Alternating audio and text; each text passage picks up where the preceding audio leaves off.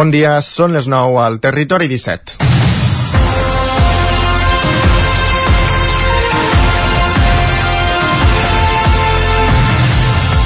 Per si no havia quedat prou clar, l'ofensiva de la dreta i la ultradreta contra el govern espanyol investit gràcies a l'independentisme s'accelera. Al mateix dia que els ministres prenien possessió, el magistrat de l'Audiència Nacional, Manuel García Castellón, enviava al Tribunal Suprem la causa contra el tsunami per terrorisme. Precisament ha demanat a les autoritats de Suïssa que localitzin la bigatana i secretària general d'Esquerra Republicana, Marta Rovira, en el marc de les actuacions que manté obertes contra els suposats organitzadors de Tsunami Democràtic democràtic. Ho fa contra el criteri de la Fiscalia, que no veu terrorisme en lloc. Que un cop coneguda l'opinió de la Fiscalia, el magistrat insisteixi en investigar per terrorisme, deixa clar que l'objectiu últim és obstruir l'aplicació de l'amnistia. El govern de Pedro Sánchez i els socis han de ser conscients que per molt que s'hi esforcin, els jutges faran tot allò possible perquè no tingui efectes. Tot plegat pinta ser llarg, molt llarg. És dijous 23 de novembre de 2023, en el moment de començar el Territori 17 a la sintonia de Ràdio Cardedeu, una codinenca, la veu de Sant Joan, Ràdio Vic, al 9 FM, i també ens podeu veure a través de Twitch, YouTube, Televisió de Cardedeu, el 9 TV i la xarxa més. Territori 17.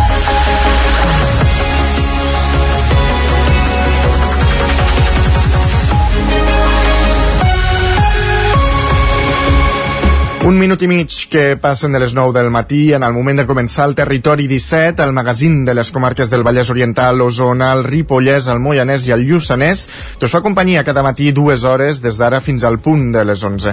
Amb quins continguts? Doncs fem un petit sumari. En aquesta primera mitja hora abordarem les notícies més destacades de les nostres comarques, amb connexió amb les emissores que cada dia fan possible aquest programa. També farem un cop d'ull al cel amb en Pep Acosta, el nostre home del temps, des d'Ona Codinenca, per avançar avançar-nos la previsió meteorològica i acte seguit anirem fins al quiosc per repassar les portades dels diaris d'avui. A partir de dos quarts de deu pujarem al tren d'Alba amb l'Isaac Muntada recollint la crònica dels oferts usuaris de la línia R3 i a l'entrevista Avui parlarem mm, sobre tot allò que afecta a les inf infraestructures de la comarca del Ripollès i al Departament del Territori de la Generalitat de Catalunya i ho farem entrevistant a Sergi Albric, el director dels Serveis Territorials de Girona de Territori. Serà en companyia d'Isaac Muntades de la veu de Sant Joan. I tot seguit, ja sabeu que ens agrada sortir de l'estudi i és que avui en Roger Rams anirà fins a Caldes de Montbui perquè aquest cap de setmana s'inaugura la plaça Villa de Siles per reafirmar el vincle entre Caldes i Siles, una població de la província de Jaén. Avui, doncs, a la connexió parlarem sobre aquest tema. I un cop arribem a les 10 repassarem més notícies destacades de les nostres comarques, el temps, i serà el torn de l'espai de gastronomia del territori 17, la Foc Lent, que avui coneixerem la cooperativa Brot Agrològic del Moianès, que es dedica a cultivar i distribuir hortalisses de producció pròpia i de productors propers. Serà de la mà d'Ona. A dos quarts d'onze serà el torn de Twitter amb en Guillem Sánchez, que ens portarà algunes piulades eh, destacades que hagi trobat en aquesta xarxa social Social i tot seguit donarem pas a la secció de cinema amb Joan Garcia i en Gerard Fossas de la veu de Sant Joan i acabarem el programa amb alguna recomanació d'alguna sèrie per part d'Isaac Muntades. Aquest és el menú del Territori 17 d'avui, dijous 23 de novembre de 2023, i comencem a servir-lo ara mateix amb les notícies més destacades de les nostres comarques, les notícies del Territori 17, les notícies del Vallès Oriental, Osona, el Ripollès, el Moianès i el Lluçanès.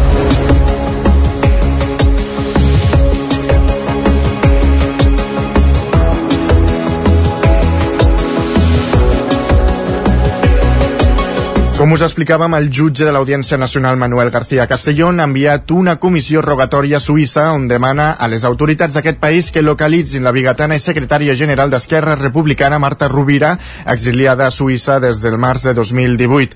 El magistrat fa la petició amb l'objectiu de citar a declarar Rovira dins de les actuacions del cas Tsunami Democràtic. Miquel Giol, al 9FM. Doncs sí, l'audiència investiga Marta Rovira, Carles Puigdemont i 10 persones més per terrorisme com a suposats organitzadors de Tsunami Democràtic, plataforma que va fer diverses convocatòries l'any 2019 després de la sentència del judici del procés, entre les quals la protesta a l'aeroport del Prat o el tall de la Junquera.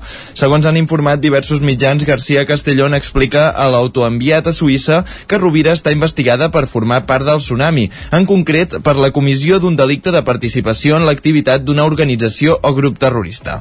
Aquest dimarts el mateix magistrat va enviar la causa al Tribunal Suprem perquè investigui per terrorisme Carles Puigdemont, ara eurodiputat, i el diputat d'Esquerra Rubén Wagensberg, que tenen condició de forats, a banda de les 10 altres persones encausades. La Fiscalia, que ja s'ha mostrat contrària a la investigació per terrorisme, i ha presentat recurs.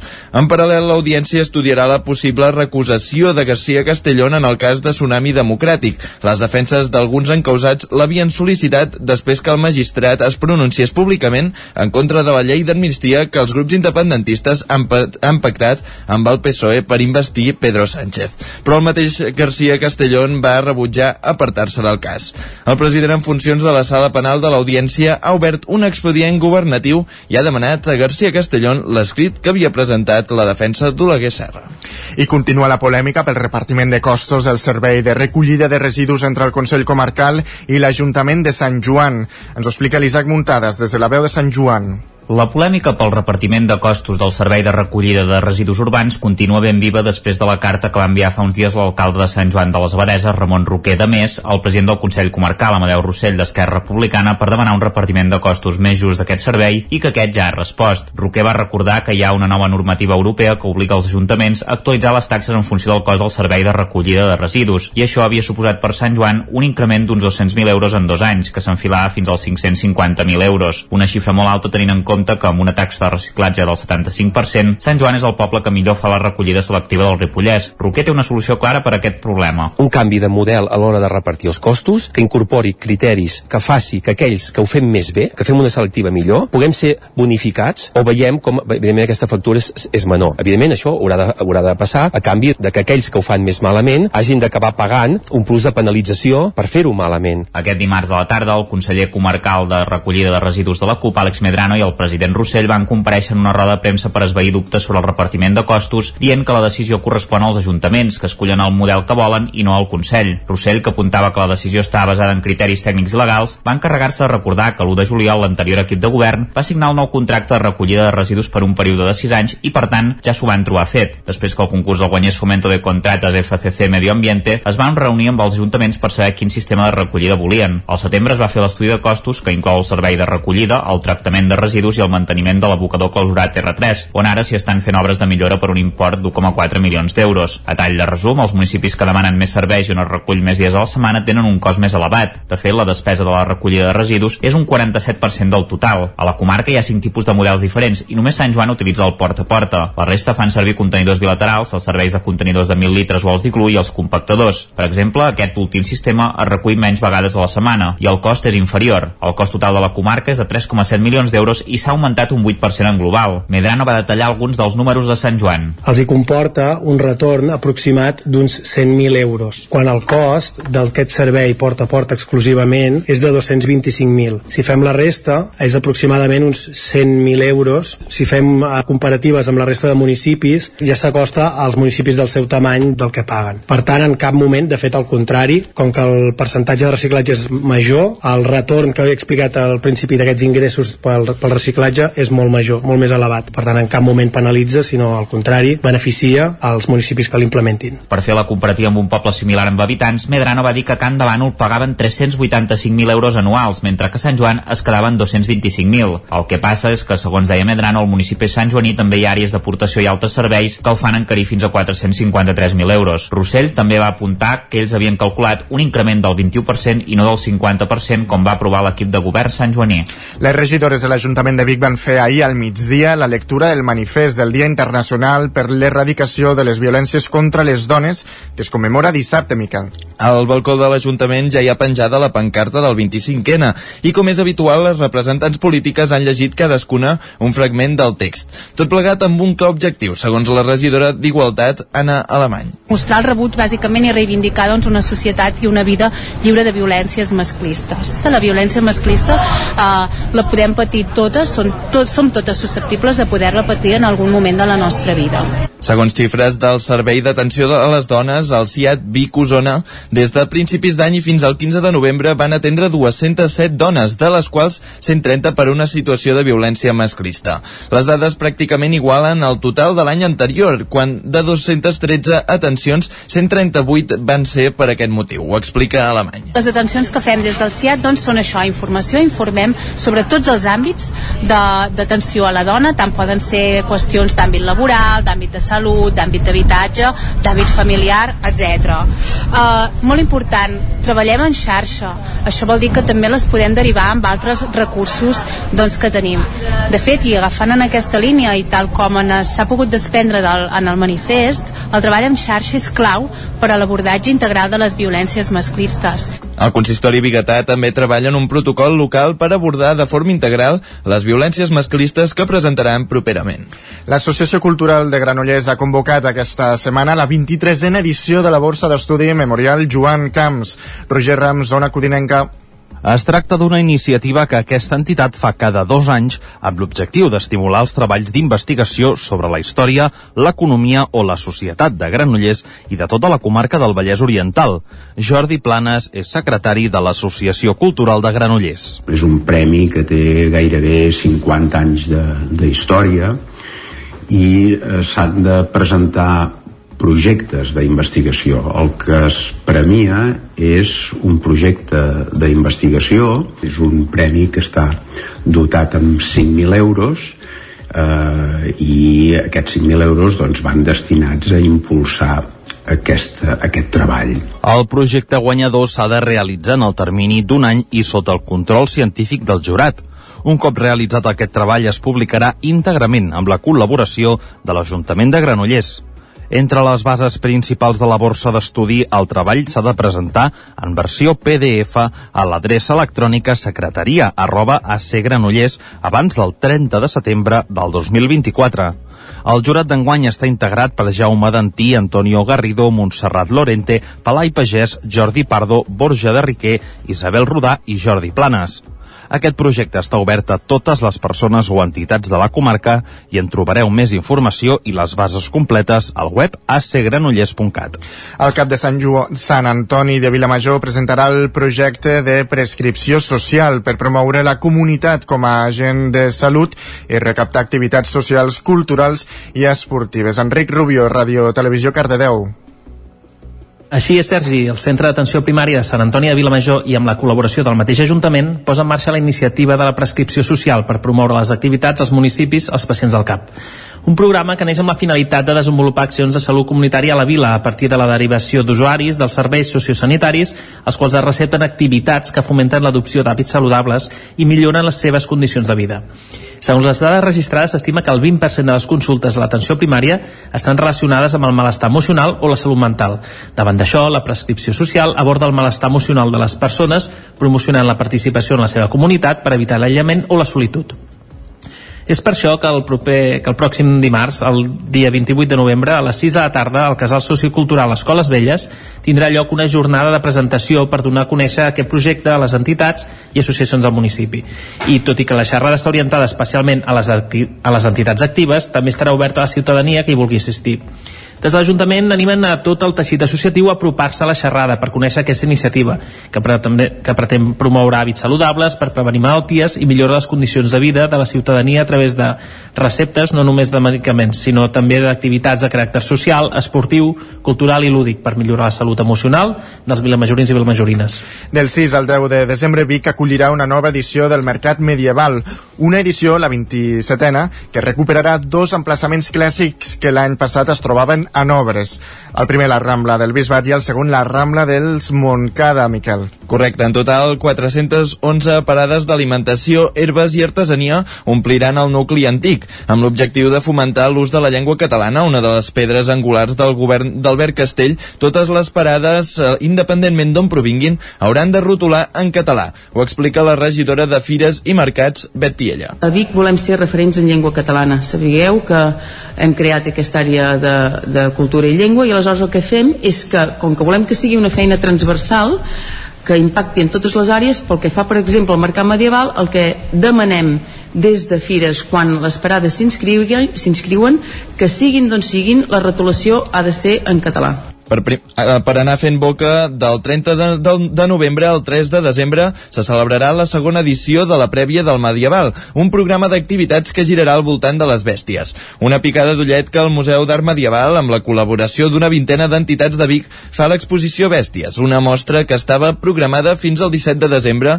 però que, vist l'èxit, el museu ha decidit prorrogar fins la primavera vinent. Oriol Piques és el director del museu a partir de l'exposició de bèsties doncs els animals i els animals de l'art medieval i fins i tot a l'actualitat són els protagonistes d'aquest any.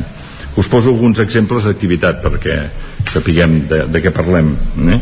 primer el museu eh, seguirà fent les visites guiades a l'exposició i tindrà portes obertes durant la prèvia. És a dir, serà gratuït entrar al museu i serà gratuït, seran gratuïtes les visites guiades que hi haurà per primera vegada, l'ONCE dedicarà un cupó diari a la ciutat de Vic. Serà el proper 7 de desembre. Així seran els 5 milions de cupons que es posaran a la venda, tots amb una imatge del mercat medieval. Una butlleta que posa en joc un premi de 500.000 euros al número més, de, de, més la sèrie i 49 premis de 35.000 euros a les 5 xifres del número premiat. I en plana esportiva us expliquem que el Voltregà ja sap qui serà el seu rival als vuitens de final de l'Eurocup. S'haurà d'enfrontar al Noací francès.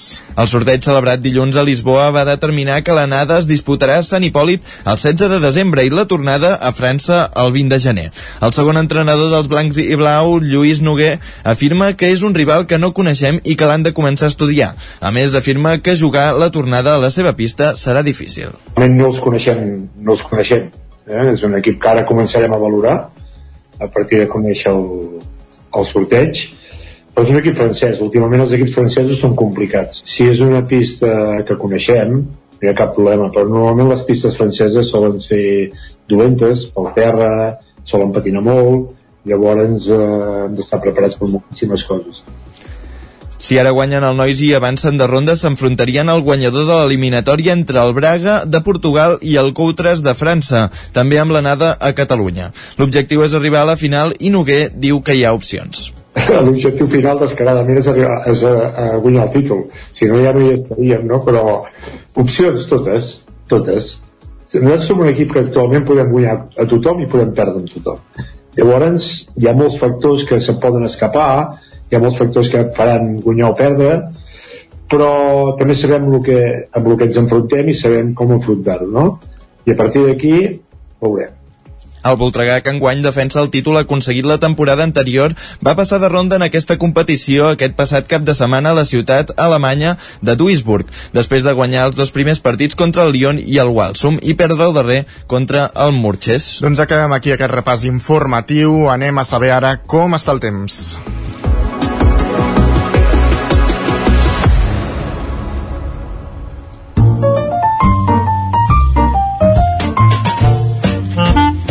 Casa Terradellos us ofereix el temps. I ara ens toca saludar el nostre home del temps, Pep Acosta, dona Codinenca. Bon dia, Pep. Bon dia. La informació meteorològica comença ara mateix. Uh, podríem dir que aquesta nit és dels més fredes en general uh, d'aquesta tardor.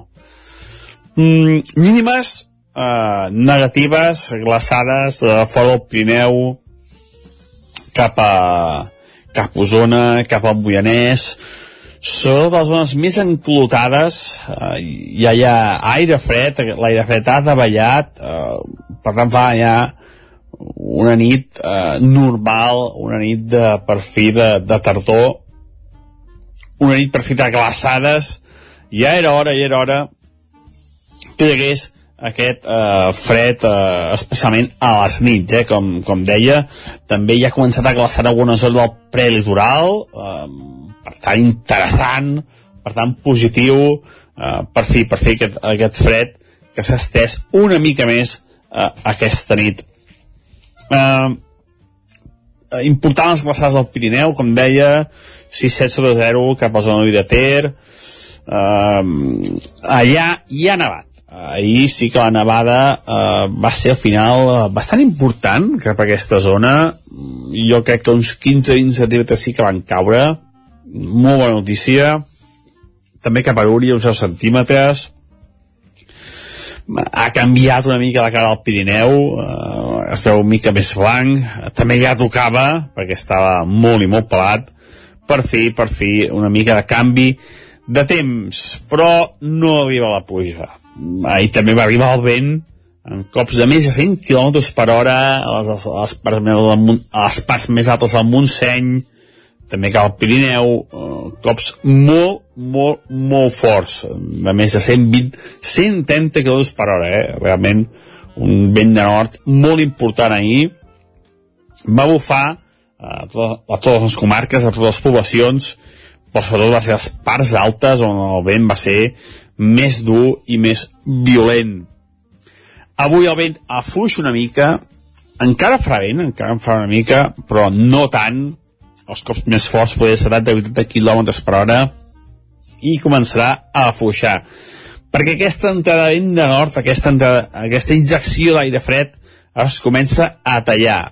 Ja a molt alta muntanya les temperatures comencen a pujar. I al migdia les temperatures pujaran a tot arreu, a, to a totes les poblacions, les temperatures màximes pujaran. Avui moltes màximes entre els 15 i els 18 graus, eh? més o menys aquests valors entre els 15 i els 18 graus, amb un altre dia de molt de sol, eh, no tenim gairebé cap núvol, molt bona visibilitat, aquest ben atejat, eh, la contaminació, ha netejat, eh, ho ha netejat tot, hi haurà molt bona visibilitat, però continuem amb aquest sol, amb aquesta manca de pluja tan accentuada, no hi ha manera que plogui, molt de sol, eh, com deia, màximes al migdia agradables, entre els 15 i els 18 graus, el vent afluixa, només algun núvol encara al Pirineu, però ja no nevarà, eh, per tant, un dia molt tranquil avui, l'anticicló se'ns tira bastant a sobre un o dos dies, i per tant tenim aquesta, aquesta suavitat de dia, aquest fred de nit i aquest sol que serà el gran protagonista dels dies. Moltes gràcies i fins demà. Adeu. Gràcies, Pep. Fins aquí una estona. Casa Tarradellas us ha ofert aquest espai. I el que fem ara al Territori 17 doncs és anar al quiosc.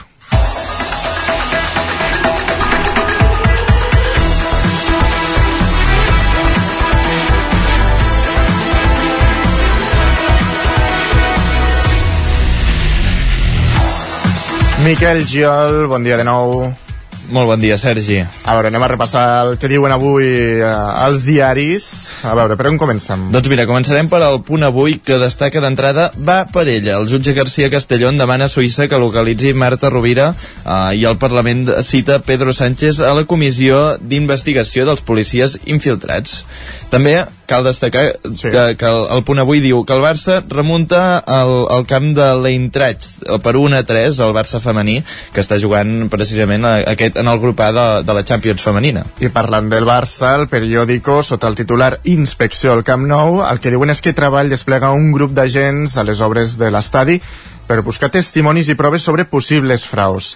Per altra banda, diuen que Israel i Hamas inicien els canvis, eh, el canvi d'hostatges i presos. Eh, expliquen que l'acord contempla l'intercanvi de 150 palestins empresonats per 50 segrestats el 7 d'octubre i l'entrada de 300 camions amb ajuda humanitària.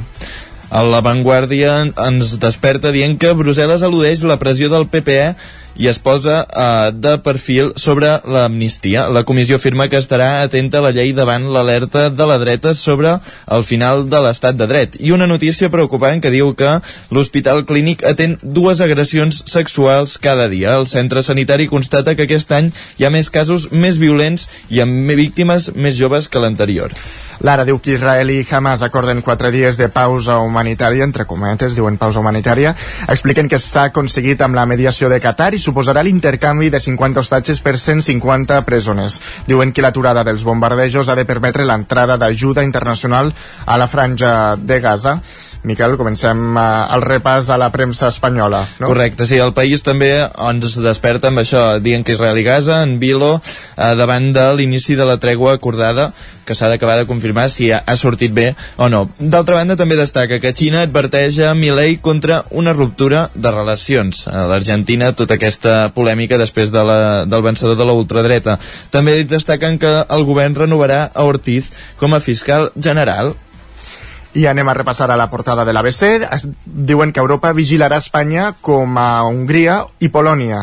Expliquen que amb un debat a l'Eurocambra, el comissari Rein Reinders es compromet a supervisar que la llei de, de l'amnistia i els pactes d'investidura compleixin els valors de la Unió. Diuen que més de 350.000 firmes demanen que la Unió Europea eh, defensi la nostra democràcia. Quina democràcia? De quina? Bueno, que catastròfics, eh? Sí. El Mundo també destaca que Israel de rep a Sánchez amb recel amb els seus ministres, perquè Sánchez avui, si no m'equivoco, ha sortit a fer una volta per països com Egipte, Israel eh, i entre d'altres eh, de la zona de l'Àsia. Per altra banda, també destaca que la ultradreta liderada per Wilders eh, gana les, els comicis a Holanda segons els sondejos.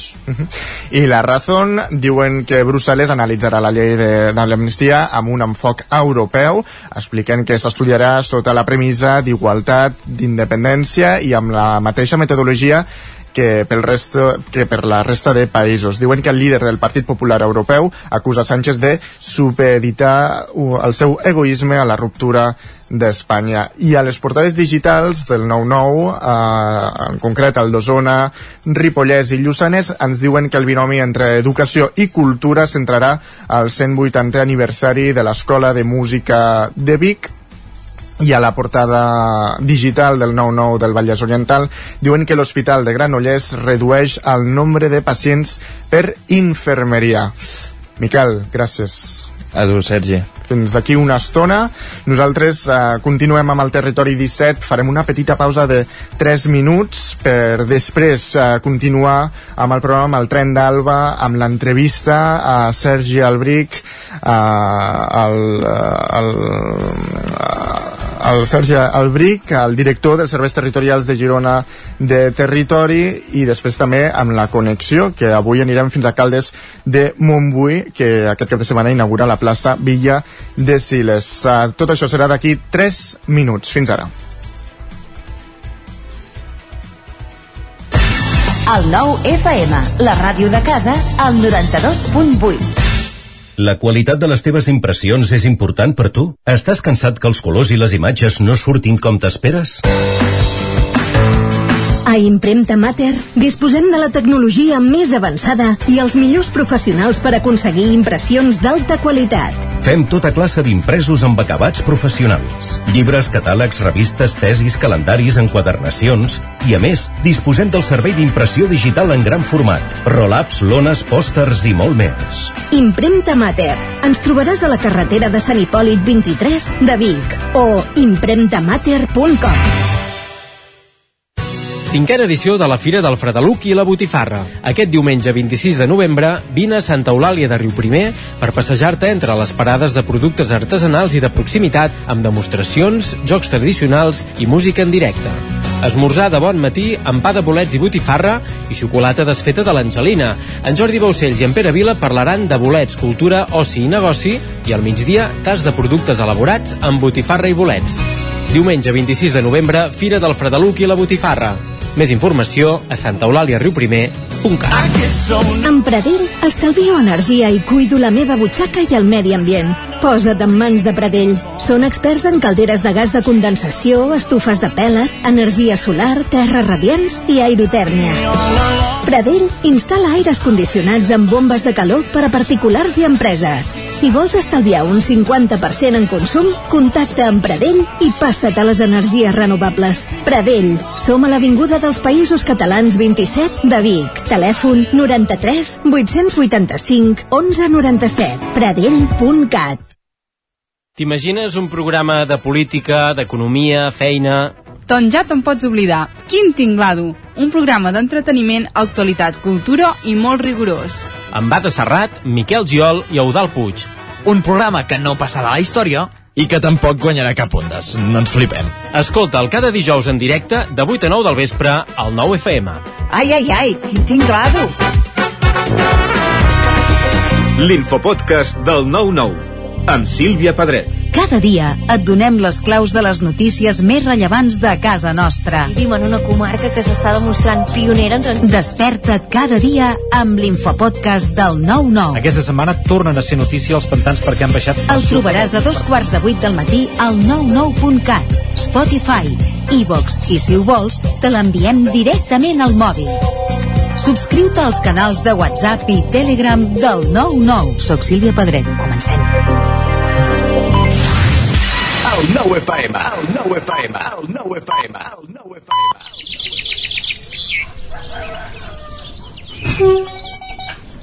A Tren d'Alba. Cada dia els usuaris i usuàries de la línia R3 de Rodalies que veuen sortir el sol des d'un vagó ens expliquen les gràcies i les penes del primer comboi que uneix Ripoll i Barcelona o les feixugues jornades amb el tren després de treballar. Benvinguts a Tren d'Alba. Doncs males notícies avui, perquè Renfe cancel·larà aproximadament uns 400 trens a Catalunya per la vaga contra el traspàs de competències de la xarxa de Rodalies anunciat pel PSOE i Esquerra una setmana abans de la investidura de Pedro Sánchez. Els serveis mínims decretats pel govern fixen una freqüència de pas del 66% en les hores punta i del 33% la resta del servei els 5 dies de vaga, el 24 i 30 de novembre, l'1, 4 i 5 de desembre, coincidint amb l'inici del pont de la Puríssima. Les aturades de 24 hores també seran secundades pels treballadors de DIF, el gestor d'infraestructures. Els empleats reclamen aclarir quin serà el seu futur després de la creació de la societat participada per la Generalitat i l'Estat, Rodalies de Catalunya, que assumirà l'R1, R2, Sud i l'R3. La situació a la xarxa de trens catalana pot ser complicada i caòtica aquest divendres, ja que els serveis mínims han arribat dos dies abans de la convocatòria, segons ha denunciat el sindicat SEMAF, majoritari entre els maquinistes. Altres fonts coneixedores de l'operativa coincideixen a dir que és possible que hi hagi treballadors a qui no se'ls pugui comunicar oficialment que han d'anar a treballar i no es presentin. A tot l'estat deixaran de circular uns 1.500 trens per complir amb els serveis mínims. Les hores punta, quan hi haurà més serveis protegits, seran des de les 6 del matí fins a dos quarts de 10 del matí i de les 5 de la tarda fins a dos quarts de 9 del vespre. És una vaga unànima perquè els sindicats CEMAF, Comissions Obreres, UGT, CGT, SF i CSF van decidir per unanimitat convocar-la després de saber-se l'acord, que veuen amb inquietud per la falta de transparència, segons diuen, d'un procés que és molt genèric i s'ha oblidat de tancar els aspectes tècnics, tot en la seva opinió. El trasllat podria afectar uns 2.500 empleats de Renfe i uns 1.500 de DIF que fan feina a Catalunya. Amb tot, els sindicats consideren que la qüestió implica tota la plantilla d'uns 15.000 empleats a l'operadora i 15.000 al gestor d'infraestructures perquè comparteixen els plans d'ocupació. Una de les preocupacions dels treballadors és garantir els trasllats a altres punts de la geografia espanyola. déu nhi com va de carregadeta la Renfe aquests dies amb això de la vaga. Aquesta és una informació que també podeu trobar a la Via Empresa. Va, en retrobem dilluns amb més informació dels trens i de l'R3. Passen dos minuts de dos quarts de deu del matí.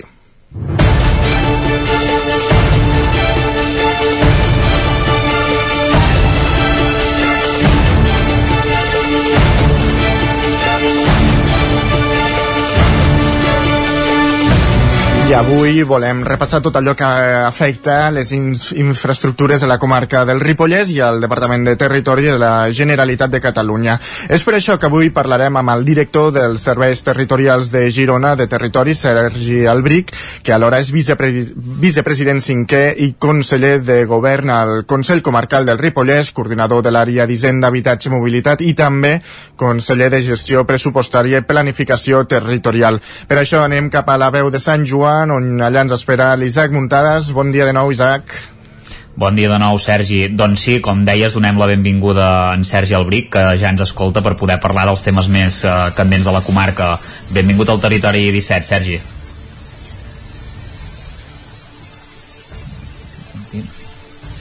Sembla que no et sentim.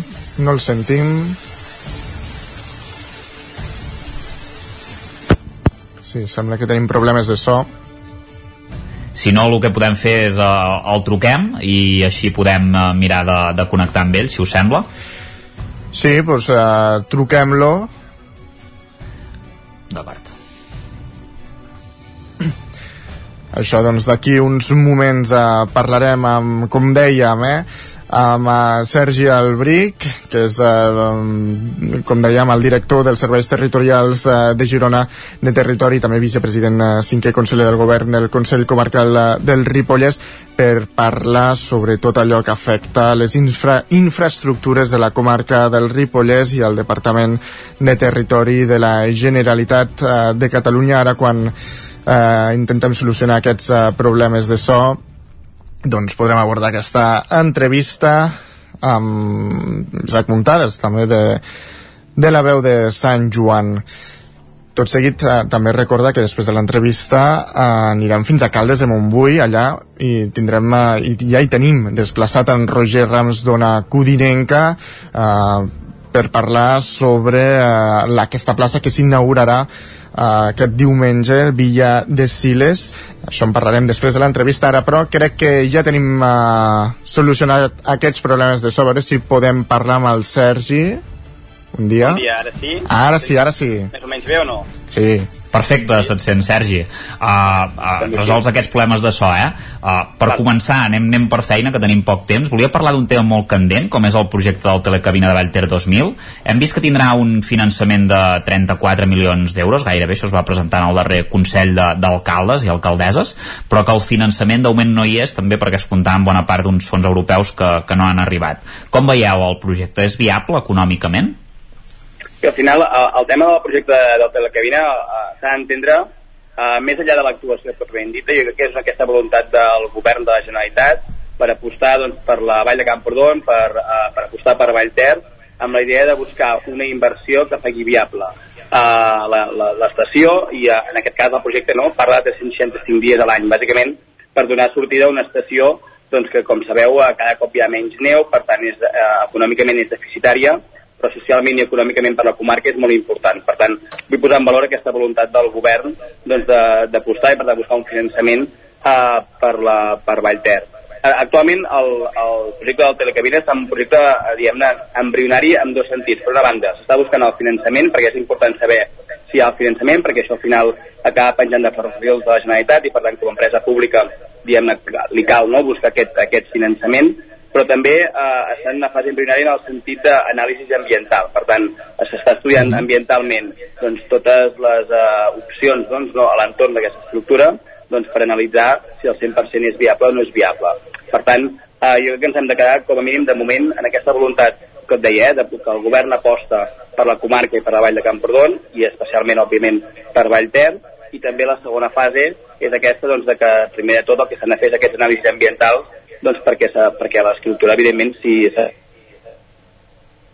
Uh -huh.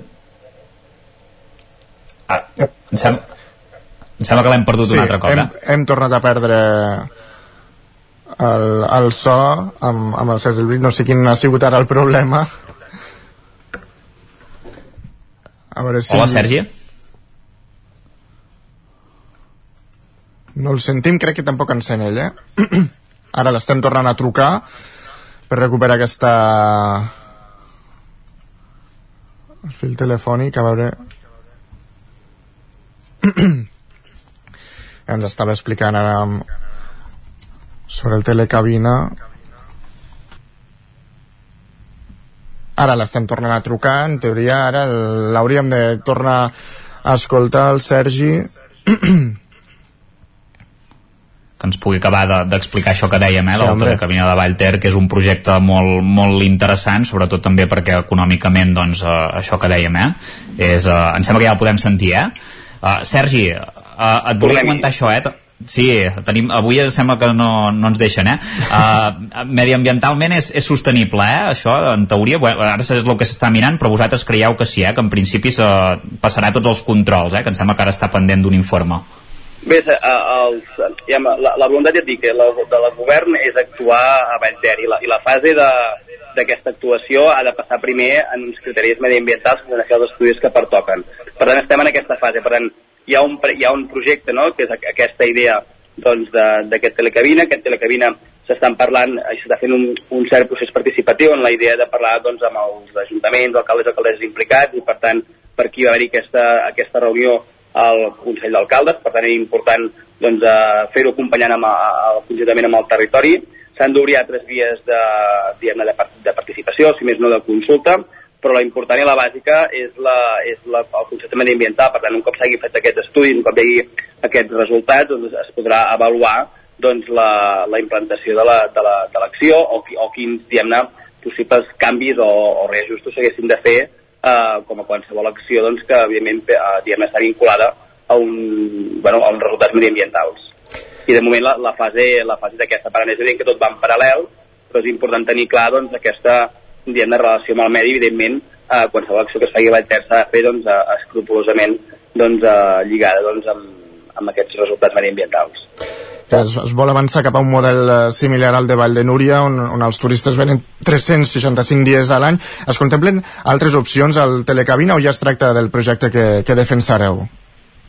Bé, com a, com a projecte, diem-ne, d'acció, és el que entenem que la, la situació actual de Vallter eh, és que moltes de les infraestructures que hi ha estan obsoletes, per tant s'han de canviar, per tant és, és un moment eh, de canvi en el sentit de eh, o es canvia les estructures per unes de similars per fer el mateix de sempre o es plantegen altres horitzons. Aquest n'és un i per tant eh, insisteixo en això, eh, vull dir, un cop s'hagin fet aquests estudis mediambientals després es podrà valorar doncs, la, el 100% doncs, de la, de la, diguem del projecte i per tant jo crec que eh, la, la situació és com que és una acció no, que implica una despesa econòmica important, és evident que és un projecte d'envergadura doncs, i per tant jo que hem d'anar per fases. Jo que ara, un cop s'explica aquesta proposta, en aquest cas de Ferrocarrils de la Generalitat, la següent fase és aquesta de la qual estem, de dir, fem els estudis mediambientals que pertoquen i a partir d'aquí doncs, eh, que es prenguin les decisions que, que siguin més oportunes.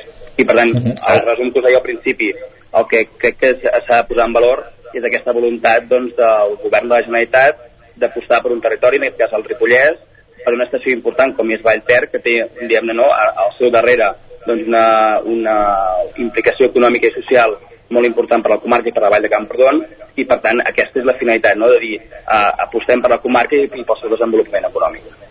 Mm -hmm. Ara no anem tan lluny, Sergi, al poble veí, a Sant Pau de Segúries, perquè allà ja fa temps que s'està parlant del projecte de, del pont del Carbur. No sé si hi ha terminis de quan han de començar i acabar les obres i, i també, si ens pots explicar una mica què, què s'hi farà exactament, el, el resum de què s'hi farà allà. Bé, el projecte es licitarà els propers dies i ja em sembla que alguna altra vegada n'havíem parlat i per tant aquest projecte es preveia licitar el tercer trimestre, diem-ne, del 2023. Estem en aquesta en aquesta franja encara de temporal, diem-ne, i, i així serà. Per tant, es licitaran les obres amb la idea que les obres es, feien, es comencin a fer, si més no, al llarg del 2024, i ja que el procés de licitació sempre s'allarga més d'allò que un voldria, i bàsicament el que fa aquesta acció és, eh, diguem-ne, eh, donar solució a una obra històrica i molt demandada, que és eh, millorar el traçat del pont del Carburo, aquest pont no, que té aquestes dues curves molt eh, acusades, que històricament doncs, han lligat doncs, a, diversos accidents i per tant a un programa de pas, etc. I per tant és un projecte doncs, d'uns 6 milions d'euros, per tant és una inversió important, una altra inversió important, si més no a, a la comarca i en aquest cas també a la vall de Camprodon, i que posa, o té la voluntat de posar fi doncs, a una infraestructura obsoleta per donar-ne una de molt més segura que permeti doncs, aquesta connexió entre Sant, Sant Pau de Segúries i, i Camprodon i en resum de tota la vall de Camprodon. I, i les vies verdes, com estan els trams d'aquí al Ripollès? Uh, no sé si el més complicat de tots és el que ha de connectar Camp de Bànol amb Ribes de Freser. De fet, uh, a Sant Joan i a la vall de Camprodon també hi ha tants en marxa, no? Exacte. El, el tram de Ribes de Freser en aquest cas no correspon a, a la Generalitat, per tant no, no ens competeix a nosaltres, però sí que, per exemple, el tram de, de Sant Joan fins a Set Cases, aquest sí que, que doncs, en aquest cas penja el Departament de Territori, Uh, és, un, és un tram en global molt avançat, que ara mateix, per exemple, s'està executant doncs, el tram de Vilallonga de Ter, el tram de Sant Pau de Segúries doncs, uh, està ja a, a punt doncs, d'executar-se. De, Senzillament ara hi ha hagut alguns reajustos que s'han fet conjuntament amb l'Ajuntament la, amb de Sant Pau. El tram de Sant Joan, que és entre el pont dels Pagesos i Parella, també s'està eh, eh, reajustant el traçat perquè tingui un menor impacte doncs, del que, del que s'havia previst i per tant també la idea és que els propers eh, mesos o si més no no, no hem d'allargar-ho massa doncs es pugui presentar eh, un projecte definitiu amb el qual s'hi està treballant. I de tot aquest tram el que diguem-ne serà més costós de realitzar és el tram final que és el de set cases que bàsicament per un tema orogràfic doncs també doncs, el projecte doncs, eh, s'ha de redactar i per tant aquest serà doncs, el, diguem el tram final a part que és el final, diguem-ne, eh, geogràficament també el més complex a nivell d'orografia, però per tant és una aposta, doncs, en aquest cas, no, per aquest model ciclable doncs, per, per promoure bàsicament els bons hàbits i per tant també, òbviament, també conèixer el territori i que tots els municipis, en aquest cas gran part dels municipis del Ripollès, si més no de, de Sant Joan fins a set cases, estiguin connectats doncs, per, per aquesta via verda no, que permet anar doncs, a fer molts uh -huh. quilòmetres arreu de les comarques eh, gironines. Uh. Una altra connexió important, Sergi, coincidiràs amb mi el tema de, de l'R3, de la línia ferroviària. Uh, precisament abans de començar aquesta entrevista a la secció de l'R3 avui sabíem eh, una mica tots els horaris de, de la vaga d'aquests dies de, dels maquinistes i tot el personal de, de, de Rodalies. El traspàs de Rodalies a R3, doncs, arran del pacte entre Esquerra Republicana i el PSOE per la investidura també m'imagino que serà un repte important. Confieu en el fet que es compleixin els acords aquesta vegada, tenint en compte una mica els antecedents amb, amb tots tots els partits, eh? no només amb Esquerra, sinó al seu moment també amb, amb Convergència quan, quan es va pactar. No sé si eh, sobretot farà falta el finançament, no? perquè no sigui paper mullat tot i, i que, a més a més, sabem que no serà una millora immediata, eh? que això serà gradualment, oi? Bé, jo crec que aquí hem de tenir en compte que hi ha, hi ha un fet històric que és hem parlat moltes vegades, no? I, i nosaltres, de fet, el, el nom del programa, eh? el, el fet del territori 17, vull dir que, per tant, uneix uh -huh. aquests pobles del municipis de la C-17 i que, per tant, també estan units uh, per la R3.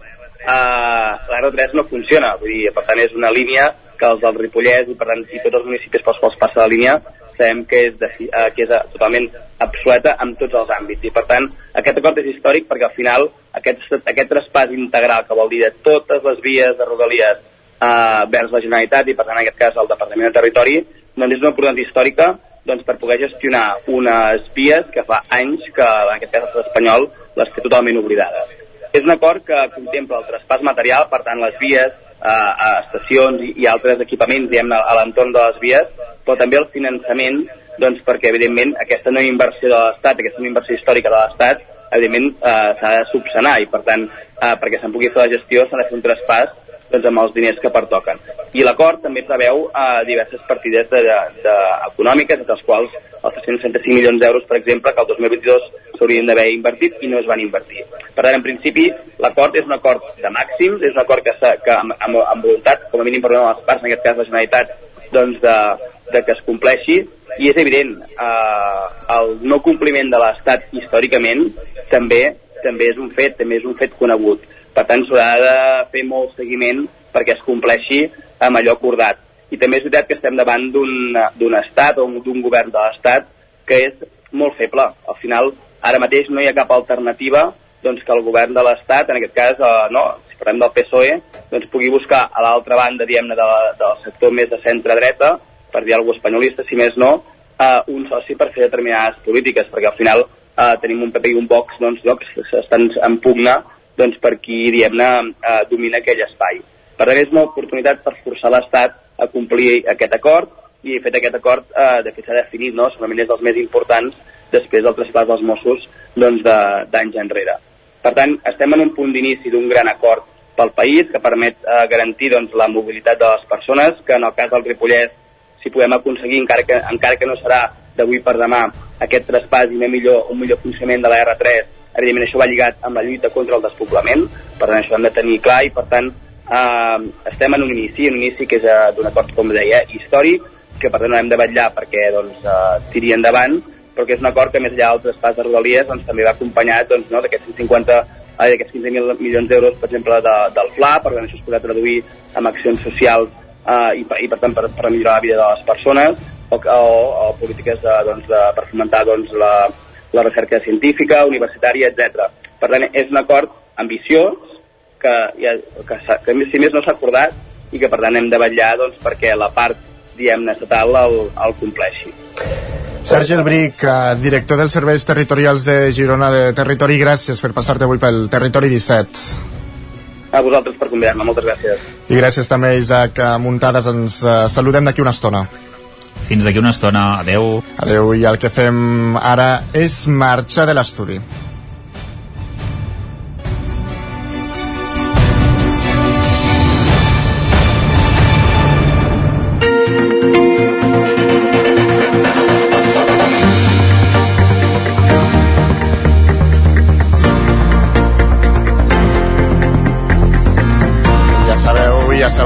Agrada sortir cada dia en algun moment dels estudis de ràdio. Avui a la connexió anem fins a Caldes de Montbui, on hi tenim desplaçat en Roger Rams d'Ona Codinenca, i és que aquest proper diumenge en aquesta localitat del Vallès Oriental s'inaugura la plaça Villa de Siles. Tot plegat és una iniciativa de l'Ajuntament calderí per reafirmar el vincle entre Caldes i Siles, una població de la província de Jaén. Bon dia, Roger. Bon dia, què tal, com esteu?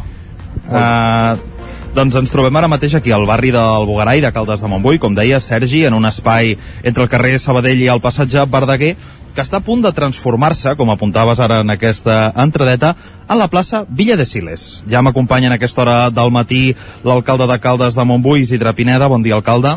Molt bon dia, què tal? Perfecte. També ens acompanya en Manuel Martínez, veí de Siles. Què tal, Manuel? Bon dia. Molt bon dia i amb ells dos doncs, conversarem sobre aquesta nova iniciativa que, com deia Sergi, el consistori calderí està impulsant, que és eh, crear aquesta plaça Villa de Siles, que s'inaugura aquest proper diumenge al migdia. Primer de tot, anem amb l'alcalde, eh, Isidre. Eh, volia preguntar per què s'ha decidit aquest canvi de nom. Doncs eh, és realment un homenatge per moltes persones, molts calderins i moltes calderines que en el seu dia, a partir dels anys 60, 70, 80, van venir a viure, a treballar, a, a crear la Caldes de Montbui, a contribuir a, a construint la Caldes de Montbui que som a dia d'avui. És un homenatge però també és un senyal de respecte per aquests calderins i calderines que, diguem que tenen la sort de tenir dos pobles, el seu, que és Caldes de Montbui, evidentment, però també el dels seus orígens, com és la vila de Siles. Anem a vostè, Manuel, una mica què significa per una persona que és de Siles que l'Ajuntament de Caldes faci aquest gest i inauguri aquest diumenge aquesta plaça? Pues a mi em sembla un gest molt important perquè és un reconeixement amb un col·lectiu que entre els anys 60, 70 i 80, sobretot els 70, els 70 del 70 a 80 va ser la major sortida de, de gent de Siles cap a Caldes, perquè jo tinc arxius i ho he estat mirant, i van sortir de Siles en aquell any 800 persones. D'un poble que en 1950 tenia eh, 5.400 habitants, avui actualment té 2.200. Vull dir, aquesta, aquesta dècada 60, concretament la de 60, 70 i 80 va ser la sortida massiva que tinc comptabilitzat en 2.400 habitants amb aquestes tres dècades. Van sortir de Siles la majoria cap a Caldes. Per això hi ha una colònia molt important a Caldes de Montbui. Com, com, com ho recorda vostè tot plegat?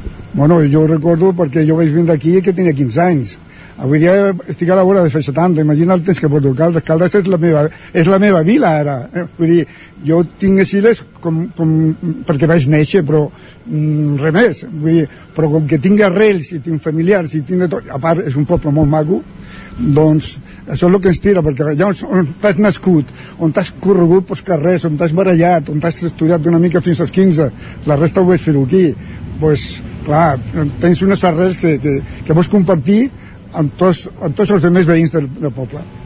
De seguida, alcalde, anirem a que ens expliqui una mica com serà aquest acte d'inauguració d'aquesta plaça, que recordem, com dèiem, diumenge al migdia. Si tinc ben entès, però, ho comentàvem abans també fora de micròfon, en aquest espai també s'instal·larà un plafó amb imatges d'una doncs exposició que, que es va fer fa un temps. Expliqui'ns una mica què és el que recordaran aquestes imatges i per què es vol recordar en aquest punt. Realment eh, va ser a finals de 2018 on ja va vindre l'alcalde de Silés i vam començar a plantejar aquesta idea perquè vam fer una, una investigació en què eh, doncs, volíem conèixer quin era l'origen de molts calderins i calderines vinguts de tot d'arreu del món. Evidentment la comunitat de, de gent vinguda de Siles eh, diguem-ne que era molt majoritària especialment com deia el Manolo eh, als anys 60, 70, 80 a dia d'avui hi ha segons i terceres generacions de veïns i veïnes de Siles que tenen, i fins i tot quartes eh, em diu ara el Manolo. Eh, per tant eh, gent que té aquests, eh, aquestes arrels eh, d'una forma doncs, molt profundes i que s'estima molt al seu poble.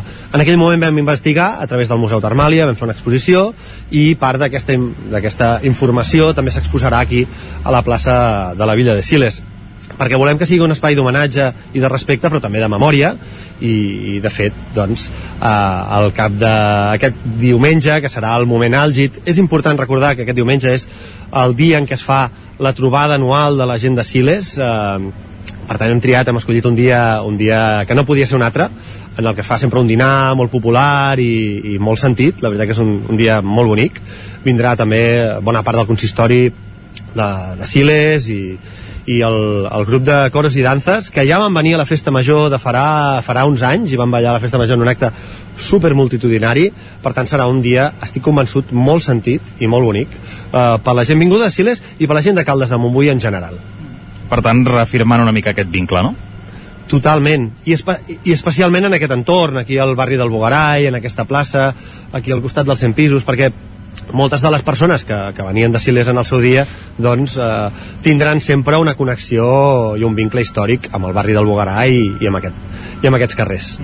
Ara comentava Manuel l'alcalde, eh, ens trobem a la vora d'aquests 100 pisos que es van construir entre els anys 60, als anys 60-70, els 70, eh? Els 70. Es van construir 100 pisos habitats, com deien molts d'ells, eh, per gent de Siles. Expliqui'ns una mica com ens hem d'imaginar aquests pisos i, i quina vida hi ha hagut. Bueno, jo ja ho he comentat en altres, en altres foros, que, que la gent quan va vindre de Siles, la majoritàriament, aquest bloc no existia no existia. Llavors la gent s'instal·lava doncs, al, casc, al casc històric, sobretot tot el barri de la Bolera, eh, el carrer Espolaspies, el carrer Fort, eh, mm, Torressalló, bé, en fi, tot el centre eh, de Caldes, de, de, del semàfor en amunt. Per tant, com que això no existia, llavors la gent eh, vivien en pisos molt petits, perquè a part llavors jo m'imagino que el consistori d'aquell temps mm, mm, envers la, la immigració que hi havia i cada vegada que hi havia més van decidir fer aquest bloc llavors molta gent ja que vivien en pisos molt petits o inclús o, famílies meus amb, amb els pares o els germans tots agrupats en la mateixa casa es van comprar pisos aquí. I, i aquesta va ser la raó de que molts silenyos vinguessin cap aquí. Però et diré una cosa, que abans que es fes aquest bloc de pisos hi havia un altre bloc de, de pisos molt important que no és piso del Tiana, que ningú en parla. Allà allà hi ha 60, 60 pisos allà s'hi van instal·lar molta gent de Siles i d'altres pues, tot Espanya per tant, no solament la gent de Siles sinó extremenys, sevillans vull dir, però sempre la, la colònia més important la de Siles seguida de la de Gort, que de Gort també n'hi ha molta gent aquí, eh, aquí a Caldes. Vull dir, aquest és el motiu perquè es van construir aquí, per la falta de vivenda, d'habitatge a Caldes. Uh, Manuel, ja anem a tancar l'entrevista, comentava també l'alcalde, aquest diumenge es fa la trobada anual uh, en aquesta zona dels, dels veïns de Siles. Uh, vostè és un dels caps visibles, diguem, vostè ho ha organitzat durant molts anys i ja està posat. Expliqui'ns una mica com serà aquesta jornada. Bueno, aquesta eh, jornada serà una jornada molt participativa perquè vindrà molta gent, inclús de Siles, eh, vindrà un autocar ple de gent que es vindrà a veure i a participar de la festa. D'aquí, bueno, tenim a l'hotel que no s'hi cap ni, ni una agulla, tenim molta gent en reserva que no pot entrar perquè l'aforo està limitat i espero i desitjo que molta gent de Caldes, encara que no estic conforme perquè sempre hi ha detractors amb aquesta plaça, pues, puguin participar i espero que sigui una jornada de, de germanor, diguéssim, i que s'ho presenten tots molt bé. El menú que seria? Fer una mica de dinar i una mica de, de festa, imagino, eh? Sí, el menú es compon doncs, d'un aperitiu, com diguéssim, el primer plat, després passaríem al menjar, això és, tot es faria al jardí, amb un còctel de benvinguda primer, després passaríem al menjador, on es, mm, vindria el segon plat, els postres, les begudes, el cafè i després una tarda de ball que és, també hi haurà molts regals molts, tothom s'anirà amb un regal home, això és, avui en dia és eh, sí. estrany això, eh? singular hem sentit d'espavilar i perquè perquè no li toqui solament uns quants vull dir que encara que sigui un, un regalet més petit però tothom sortirà amb un regal Doncs amb aquesta consigna parlem d'aquest acte. Si et sembla, alcalde, acabem amb vostè explicant-nos com serà aquesta inauguració per part de l'Ajuntament que es farà aquest diumenge amb el minutet i mig que ens queda. Um, deia el Manolo que s'enduran un regal, hi haurà un nou regal també molt important que serà una nova plaça dedicada als veïns i veïnes de Silés eh, també, i tant que sí, recordar també, com deia el Manolo, probablement la gent es preguntarà, ostres eh, per què no només una plaça de Silés i si això ha estat una decisió controvertida? No, no, realment el ple municipal va aprovar per unanimitat el fet de dedicar un nou espai públic als veïns i veïnes vinguts de Siles, per tant, això és eh, molt bona notícia, hi ha un consens absolutament total del ple municipal de l'anterior mandat i, i això també reforça molt eh, aquest vincle que tenim entre els calderins i la gent vinguda de Siles. Serà un dia molt bonic, eh, espero i convido tots els calderins i calderines a que se'n sentin orgullosos, perquè hem de sentir-nos orgullosos tots plegats dels nostres orígens. Doncs moltíssimes gràcies Isidre Pineda, alcalde de Caldes de Montbui, també en el Manuel que ens ha acompanyat aquest matí, originari de, de Siles. Gràcies Manuel per les eh, teves paraules i pel teu testimoni. I si et sembla, Sergi, doncs acomiadem aquí aquesta connexió des de la plaça Villa de Siles, de Caldes de Montbui. Com m'agraden les connexions fora de l'estudi, eh? I més, amb, Sí, sí. I més amb històries com aquestes. Sí, exacte, exacte. Avui hi ha molta història, també amb un pèl de fred, perquè estem a una Sí, zona clar. ombra, però avui, avui hi ha molta història. Ah, gràcies, Roger, ens saludem d'aquí una estona. Bon dia. Gràcies, fins ara, bon dia. Nosaltres arribarem al punt de les 10 del matí, serà el moment d'actualitzar-nos amb les notícies doncs, més destacades de les nostres comarques. Ara que res, falten menys de 10 segons per les 10 del matí.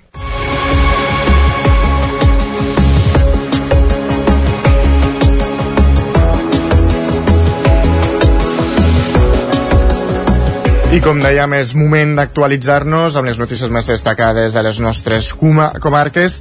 I us expliquem aquesta hora que un home de 83 anys és condemnat a dos anys de presó per fer-li dos petons a la boca a una nena de 8 anys a Camprodon. Ens ho explica l'Isaac Muntades des de la veu de Sant Joan. L'Audiència de Girona va condemnar un octogenari per abusar sexualment d'una nena de 8 anys a Camprodon el setembre del 2021. En un principi l'acusat s'enfrontava a una pena de 3 anys de presó, però com que va reconèixer els fets, la Fiscalia, l'acusació particular i la defensa van pactar una pena de 2 anys de presó que no haurà de complir perquè no té antecedents penals. Els fets es van produir cap a 3 quarts d'11 del matí del 26 de setembre del 2021, quan l'home, que llavors tenia 81 anys, es va trobar la nena caminant sola pel carrer Ignasi Casabó. La menor, que llavors tenia 8 anys, anava a peu des de casa de la seva mare fins a casa del pare, un trajecte de menys de 10 minuts. El processat la va agafar pel coll contra la paret, li va baixar la mascareta i li va fer dos petons als llavis. Prèviament li havia demanat si anava a comprar i si volia fer-li un petó, una pregunta que la menor va respondre negativament. Després d'això, l'acusat va donar-li una moneda d'un euro i li va tornar a demanar un petó. La nena s'hi va negar de nou i l'octogenari va fer-li contra la seva voluntat. En aquell instant, el pare de la menor va arribar al lloc dels fets perquè havia sortit per trobar-la a mig camí i assegurar-se que arribés bé a casa. El pare va increpar-lo, però ell va poder fugir amb el cotxe que tenia aparcat a prop. Un matrimoni que va veure l'escapar-se va agafar la matrícula del vehicle i van alertar el telèfon d'emergència 112. Els Mossos d'Esquadra el van trobar i detenir poc després a la carretera nacional 260. La Fiscalia i l'acusació particular li demanaven 3 anys de presó per un delicte d'abús sexual a una menor de 16 anys que ha acabat desembocant en aquest acord i no entrarà a la presó, amb la condició que no torni a delinquir en un període de 4 anys i pagui una indemnització de 1.000 euros pel dany moral causat, ja que la nena ha patit simptomatologia compatible amb un estrès posttraumàtic. A l'home també li han imposat 5 anys de llibertat vigilada i la prohibició d'acostar-se menys de 500 metres de la nena durant aquest temps. I està en llibertat. En fi, el sistema de rec de les hortes de Baix de Caldes, de Montbui, s'exposa a Barcelona i a Washington com a exemple d'arquitectura sostenible. Ens ho explica en Roger Rams, d'Ona Codinenca. El projecte de recuperació del tradicional sistema de rec de les hortes de baix de Caldes de Montbui amb aigua termal, impulsat l'any 2008, és un exemple d'arquitectura sostenible únic al territori català per la seva peculiaritat. Per aquest motiu ha estat escollit com un dels projectes arquitectònics que aquests dies s'exposen al Disseny Hub de Barcelona dins la mostra Els nous realistes, arquitectura catalana i balear d'ençà la crisi del 2008. Les autores d'aquest projecte, Helena Alvareda i Marta Serra, explicaven durant la presentació del projecte l'any 2008 els beneficis pels pagesos calderins d'aquest sistema. Hem recuperat declaracions fetes a Vallès Oriental Televisió durant la presentació del projecte. Caldes és un, un municipi que té l'avantatge, diguéssim, de tenir un flux continu de port d'aigua, que és l'aigua termal. Llavors, el que ha permès el projecte és que d'una banda la qualitat de l'aigua ara és bona per rec i que per altra banda també a l'aportar totes aquestes noves fonts d'aigua dels sobrants dels balnearis i safrejos s'ha augmentat també la quantitat d'aigua. No tractava d'imposar un disseny, sinó adaptar-se al màxim a les preexistències, de tal manera que la intervenció fos mínima. El projecte de rec termal de les Hortes de Caldes també ha format part aquests dies de l'exposició Polis, instal·lada al metro de Washington, als Estats Units, com dèiem, durant els mesos d'octubre i novembre. El projecte basat en la tradició de l'aigua termal de Caldes de Montbui ja acumula diversos guardons i reconeixements. Entre ells ha estat seleccionat el Premi Internacional de Paisatge Rosa Barba a l'edició oberta dels FAT 2016 i ha rebut també el Premi Europeu de l'Espai Públic Urbà l'any 2016. Els establiments comercials de Centelles ja han iniciat aquesta setmana la campanya de Nadal, que s'allargarà fins al 6 de gener. Miquel Jol, al 9 FM. Doncs sí, tens 20.000 motius per comprar Centelles és l'eslògan escollit per la campanya de Nadal d'enguany de Centelles, a la qual hi participen tots els establiments comercials i de serveis del municipi. L'objectiu és repartir 20.000 euros en vals i premis. En parlen el secretari de la Unió de Comerç de Centelles, Daniel, Puge Daniel Pujol, i la comercial Núria Tantinyà. Són 20.000 euros que reverteixen el, bueno, al poble de Centelles que, amb premis i amb regals i bueno, de, de les edicions que s'ha fet sempre ha tingut molt ha tingut molt bona acollida i, i bé, són molts diners que, que, que tornen eh, amb, els, amb els nostres clients. I això ens beneficia de manera doncs, que podem rebre molta més gent incentivem a la gent tant de Centelles com de fora perquè vingui als nostres comerços i així doncs, tenir un benefici per participar a la campanya, els clients han d'obtenir una targeta que hauran de segellar en les compres en quatre establiments diferents. Un cop tinguin les quatre marques, l'han de dipositar en una urna i podran entrar al sorteig que es farà la segona setmana de gener.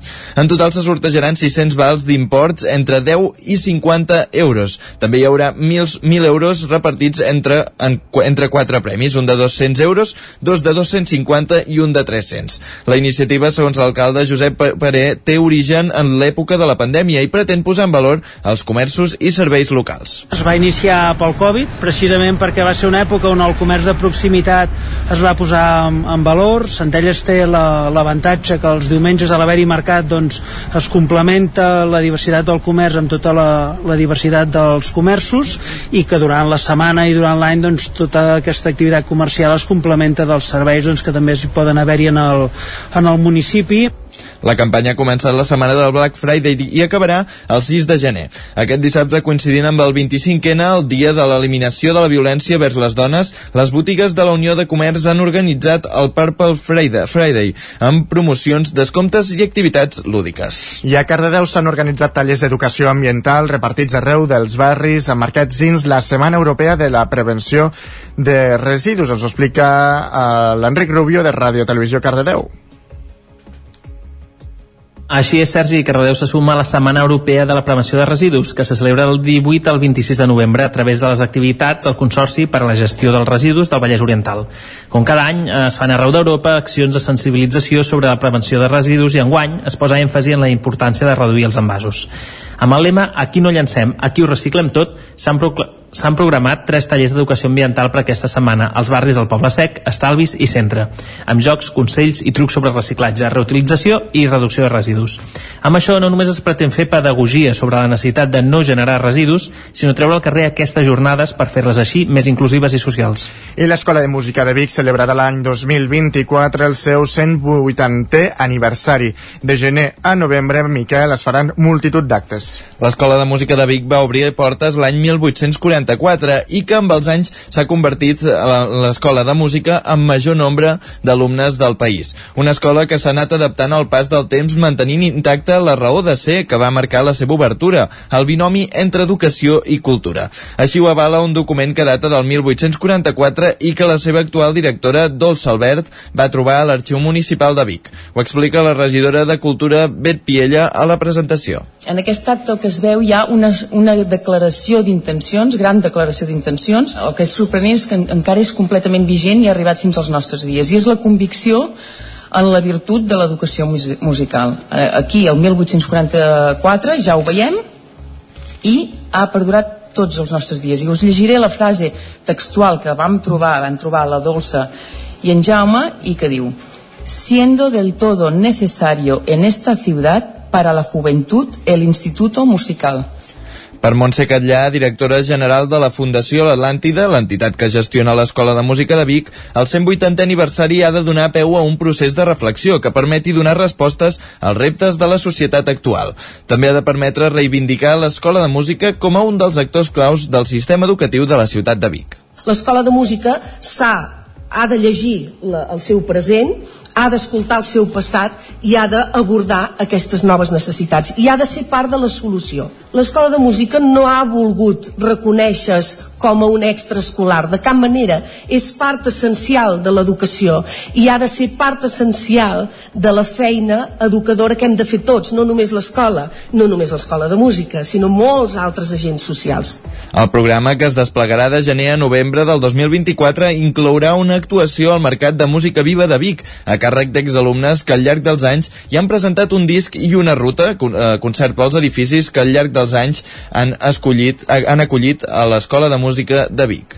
El, el 41è Festival BBVA de Cinema de Muntanya de Torelló ha superat l'Equador amb una bona assistència de públic tant a les projeccions com en les activitats paral·leles a l'anomenat Camp Base de la plaça Nova i a la biblioteca del barri de Montserrat, Miquel. Aquest dimarts al Camp Base s'hi parlava de mites i realitat de la predicció meteorològica, un aspecte fet que s'ha de tenir en compte a l'hora de fer sortides a la natura. En parlen Esteve, Pere Esteve, tècnic del Servei Meteorològic de Catalunya i el director del festival, Joan Salaric. L'important és entendre que quan anem a fer activitats de muntanya estem exposats o estem més exposats a, a determinats perills meteorològics. I aleshores és molt important ser-ne conscient i si en som conscients en podem fer una millor planificació i si planifiquem millor la nostra sortida eh, serà una sortida més segura, tindrem menys possibilitats de patir incidències.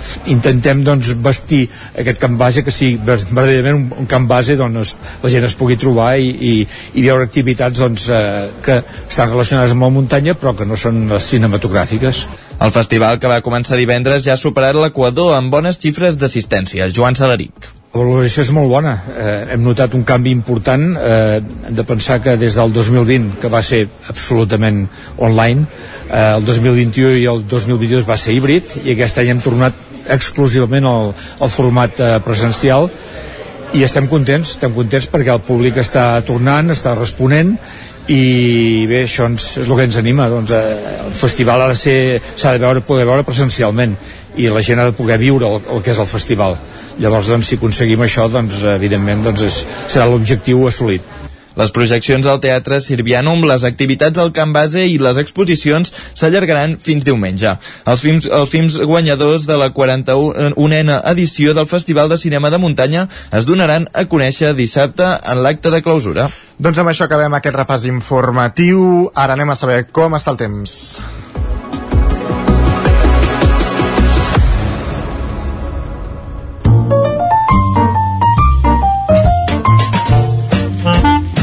Casa Terradellos us ofereix el temps. I el que hem de fer és saludar de nou el nostre home del temps, en Pep Acosta. Tornem a una codinenca. Bon dia de nou, Pep. Bon dia. Avui el vent afuix una mica. Encara farà vent, encara en farà una mica, però no tant. Els cops més forts poder ser de 80 km per hora i començarà a afluixar. Perquè aquesta entrada de vent de nord, aquesta, entrada, aquesta injecció d'aire fred, es comença a tallar. Ja a, a molt alta muntanya les temperatures comencen a pujar. I al migdia les temperatures pujaran a tot arreu. A, to, a totes les poblacions les temperatures màximes pujaran.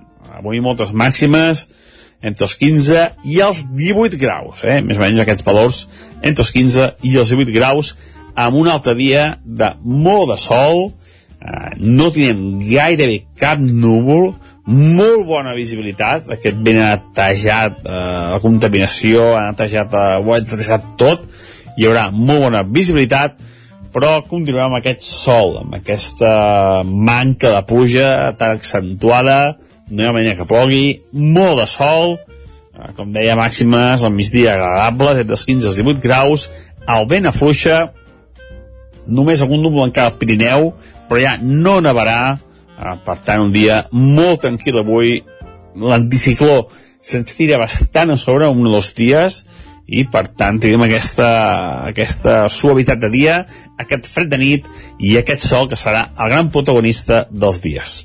Moltes gràcies i fins demà. Adeu. Casa Tarradellas us ha ofert aquest espai. Doncs fins demà, Pep, i ara el Territori 17 és moment de parlar sobre gastronomia.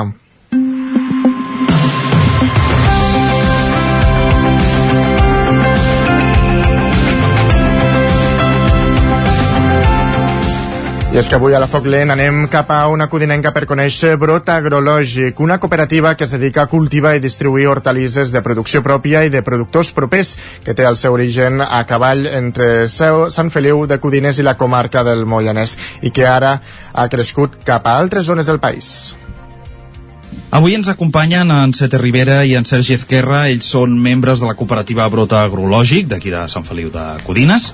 Bon dia, benvinguts. Bon dia. Bon dia, gràcies. Què tal? Uh, vosaltres sou una cooperativa de treball sense ànim de lucre que us dediqueu a cultivar diversos aliments i amb l'objectiu de promoure i facilitar el consum de productes produïts i elaborats, això sí, sota criteris agroecològics. Expliqueu-me una mica uh, quin és el vostre projecte, què és tot plegat, perquè hi ha diversos uh, aspectes que, que uh, qui no està basat en el vostre Sí. sector eh, a vegades les paraules enreden una mica. Fem de pagès, bàsicament. No? Eh, vam, tenim dues finques, bueno, no tenim, hem, hem arrendat dues finques, una, la finca de Can Figa d'aquí, la Granja Segalers, el Miquel, i una finca granera que també hi ha vivenda. I sobretot ara estem produint eh, estem fent hort i estem produint els aliments a l'hort de Can Figa i ho fem, això sí, que diu, sota criteris agroecològics, és a dir, eh, no fem servir pesticides, no fem servir herbicides i fem servir els, els fitosanitaris els, el, el més naturals possibles o els imprescindibles per controlar, algun, per controlar alguna malaltia, alguna plaga, etc etc. I, a més a més, ara estem, ens hem donat d'alta del al, al Consell, al registre, al CCPAE, vaja, i bueno, que és un debat intern que tenim, eh, Sergi, i arriba el Sergi, mm. perquè mm, no és tot no són tot flors i violes ja en- ens estem trobant dificultats per, pel fet d'estar dins del CCPAE però, però bueno, bàsicament eh, amb segell o sense el que fem és eh, el més natural possible.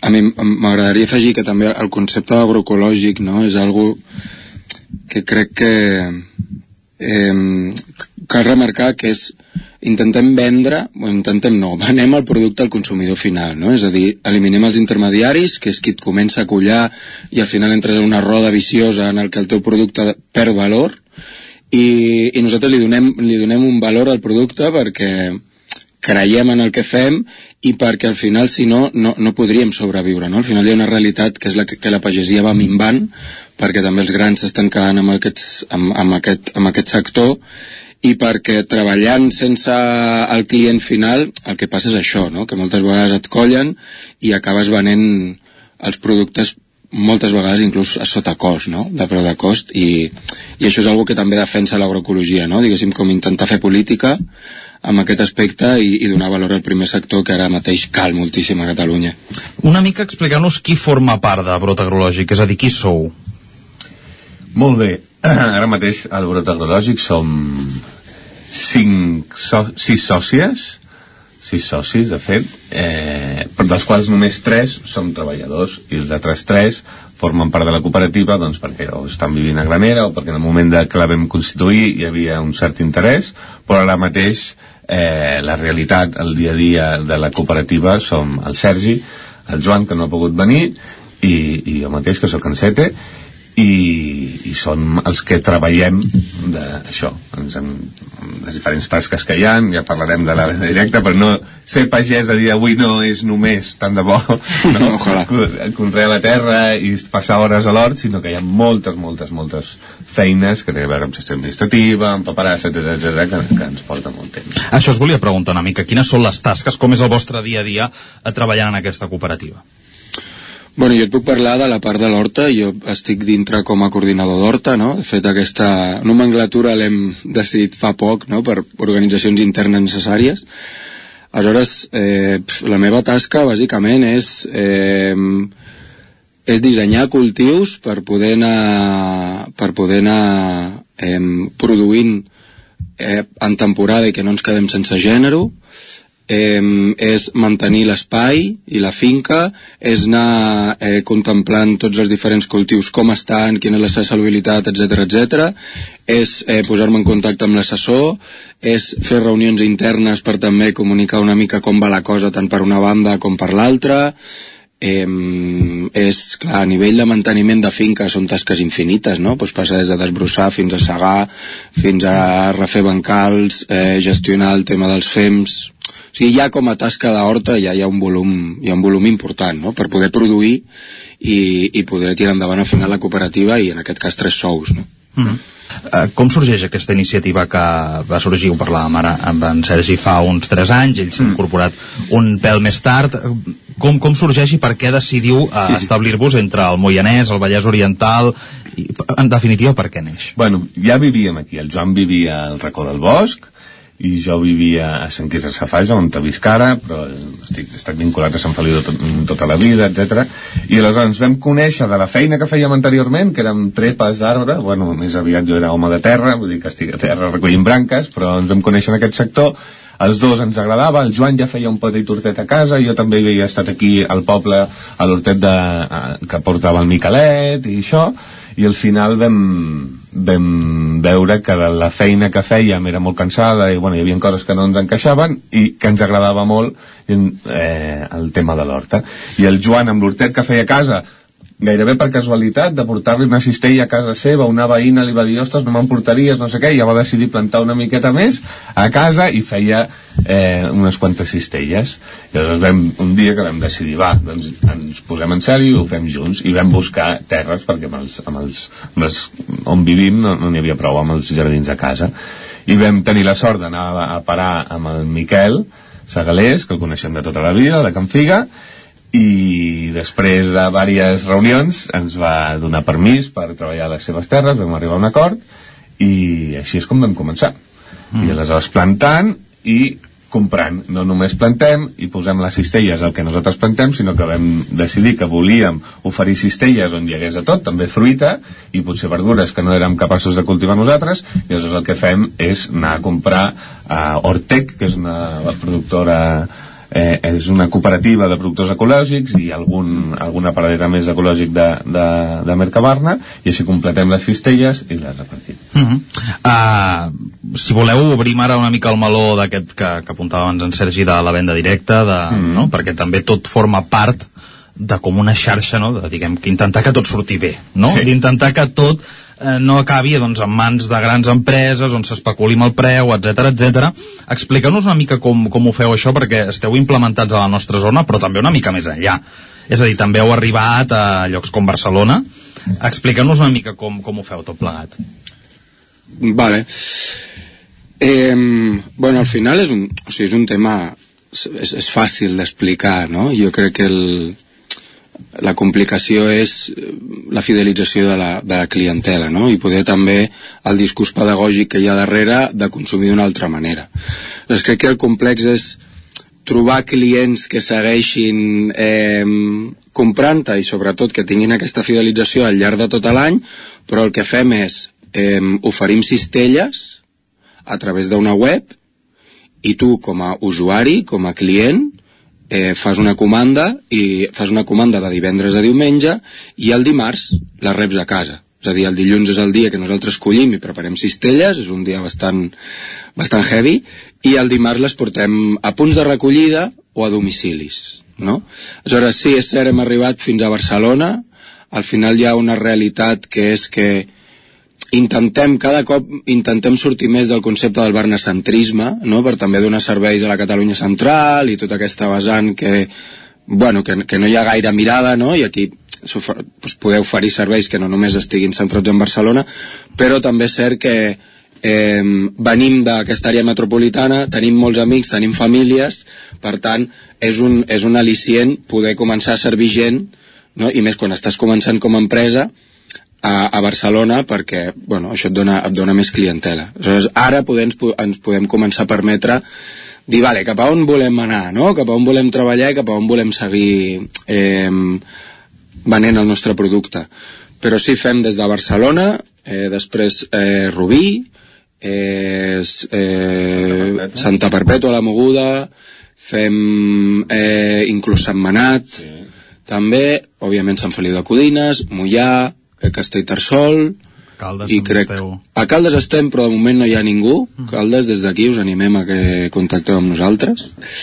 I, i d'aquesta manera, no? Al final és, és crec que és, és un tema de, de voler també donar i empoderar aquests productors locals i de valorar i veure que és realment el, el tema del quilòmetre zero, no? també, que això és un debat eh, important. Eh, portem uns 10 minutets d'entrevista, però no hem parlat de menjar, que és una mica el que, la base sí. de tot plegat, no? Sí. Expliqueu-nos una mica exactament què és el que cultiveu, què és el que produïu, eh, quins són els vostres productes que porten aquestes cistelles de brot agrològic. Molt bé, les cistelles pretenen ser... O sigui, nosaltres, a banda de ser els productors, som clients, és a dir, nosaltres mengem del que produïm i, de, i del que ens proveïm, i aleshores, mm, per això sempre hi ha aquesta mirada de consumidora, no?, i de dir, jo, les cistelles procurem que portin el menjar bàsic, no? patata, ceba, etc.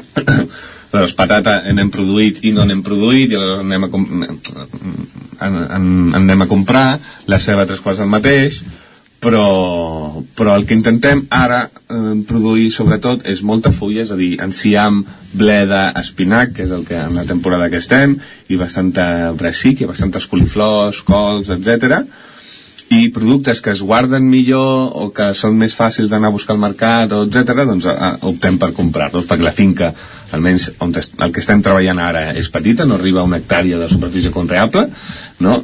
i tot i que fem allò que en diuen un biointensiu o estem camí de fer un biointensiu és a dir, que aportem bastant compost i traiem bastant de, de, de cada bancal tot i així, eh, pels volums que estem movent, doncs és una, és una finca petita, i aleshores segur que hem d'anar a comprar.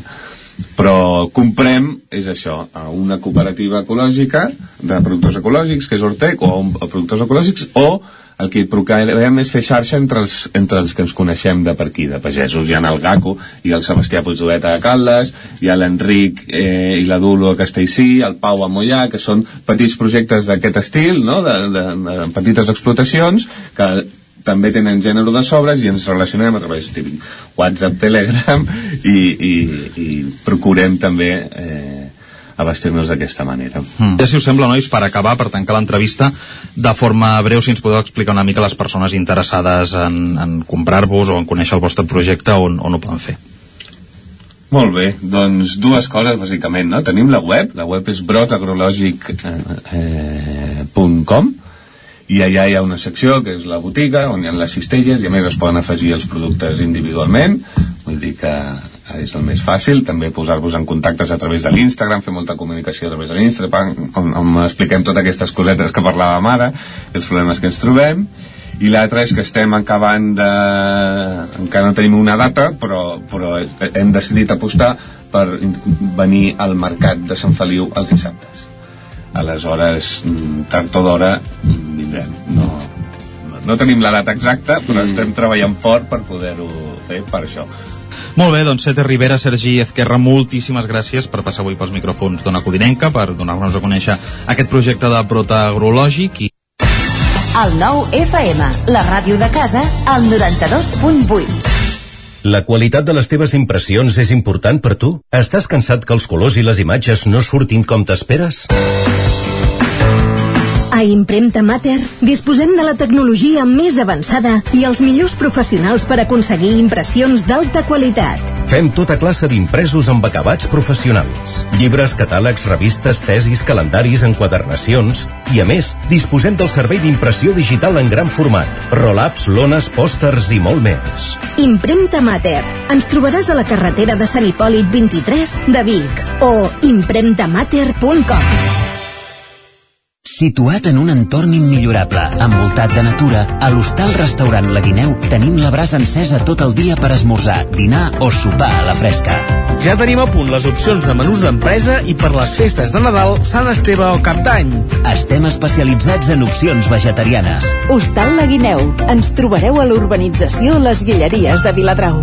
Obrim tots els dies. Vine al Garden Tortadès de Vic i descobreix l'exposició de Nadal més màgica de la comarca. Decoració, ornaments, il·luminació, poncèties, arbres de Nadal i molt més. Inspira't i crea el Nadal dels teus somnis. Obrim cada dia, diumenges i festius inclosos. Garden Tortadès. Ens trobaràs al polígon Mas Galí de Vic. T'imagines un programa de política, d'economia, feina... Doncs ja te'n pots oblidar. Quin tinglado! Un programa d'entreteniment, actualitat, cultura i molt rigorós. Amb Bata Serrat, Miquel Giol i Eudal Puig. Un programa que no passarà a la història i que tampoc guanyarà cap ondes. No ens flipem. Escolta'l cada dijous en directe de 8 a 9 del vespre al 9 FM. Ai, ai, ai, quin tinglado! Cocodril Club. Si t'agrada la bona música dels anys 60, 70 i 80, escolta el 9 FM els matins de dissabtes i diumenges d'11 a 1. És el temps del Cocodril Club, tot un clàssic de la ràdio, amb les bases del pop-rock, les llegendes, les cançons que s'han convertit en autèntics himnes. Recorda, dissabtes i diumenges al matí, d'11 a 1, al 9 FM 92.8. Cocodril Club, el programa revival de l'Albert Malla. Hasta luego, cocodrilo. Perill de glaçades?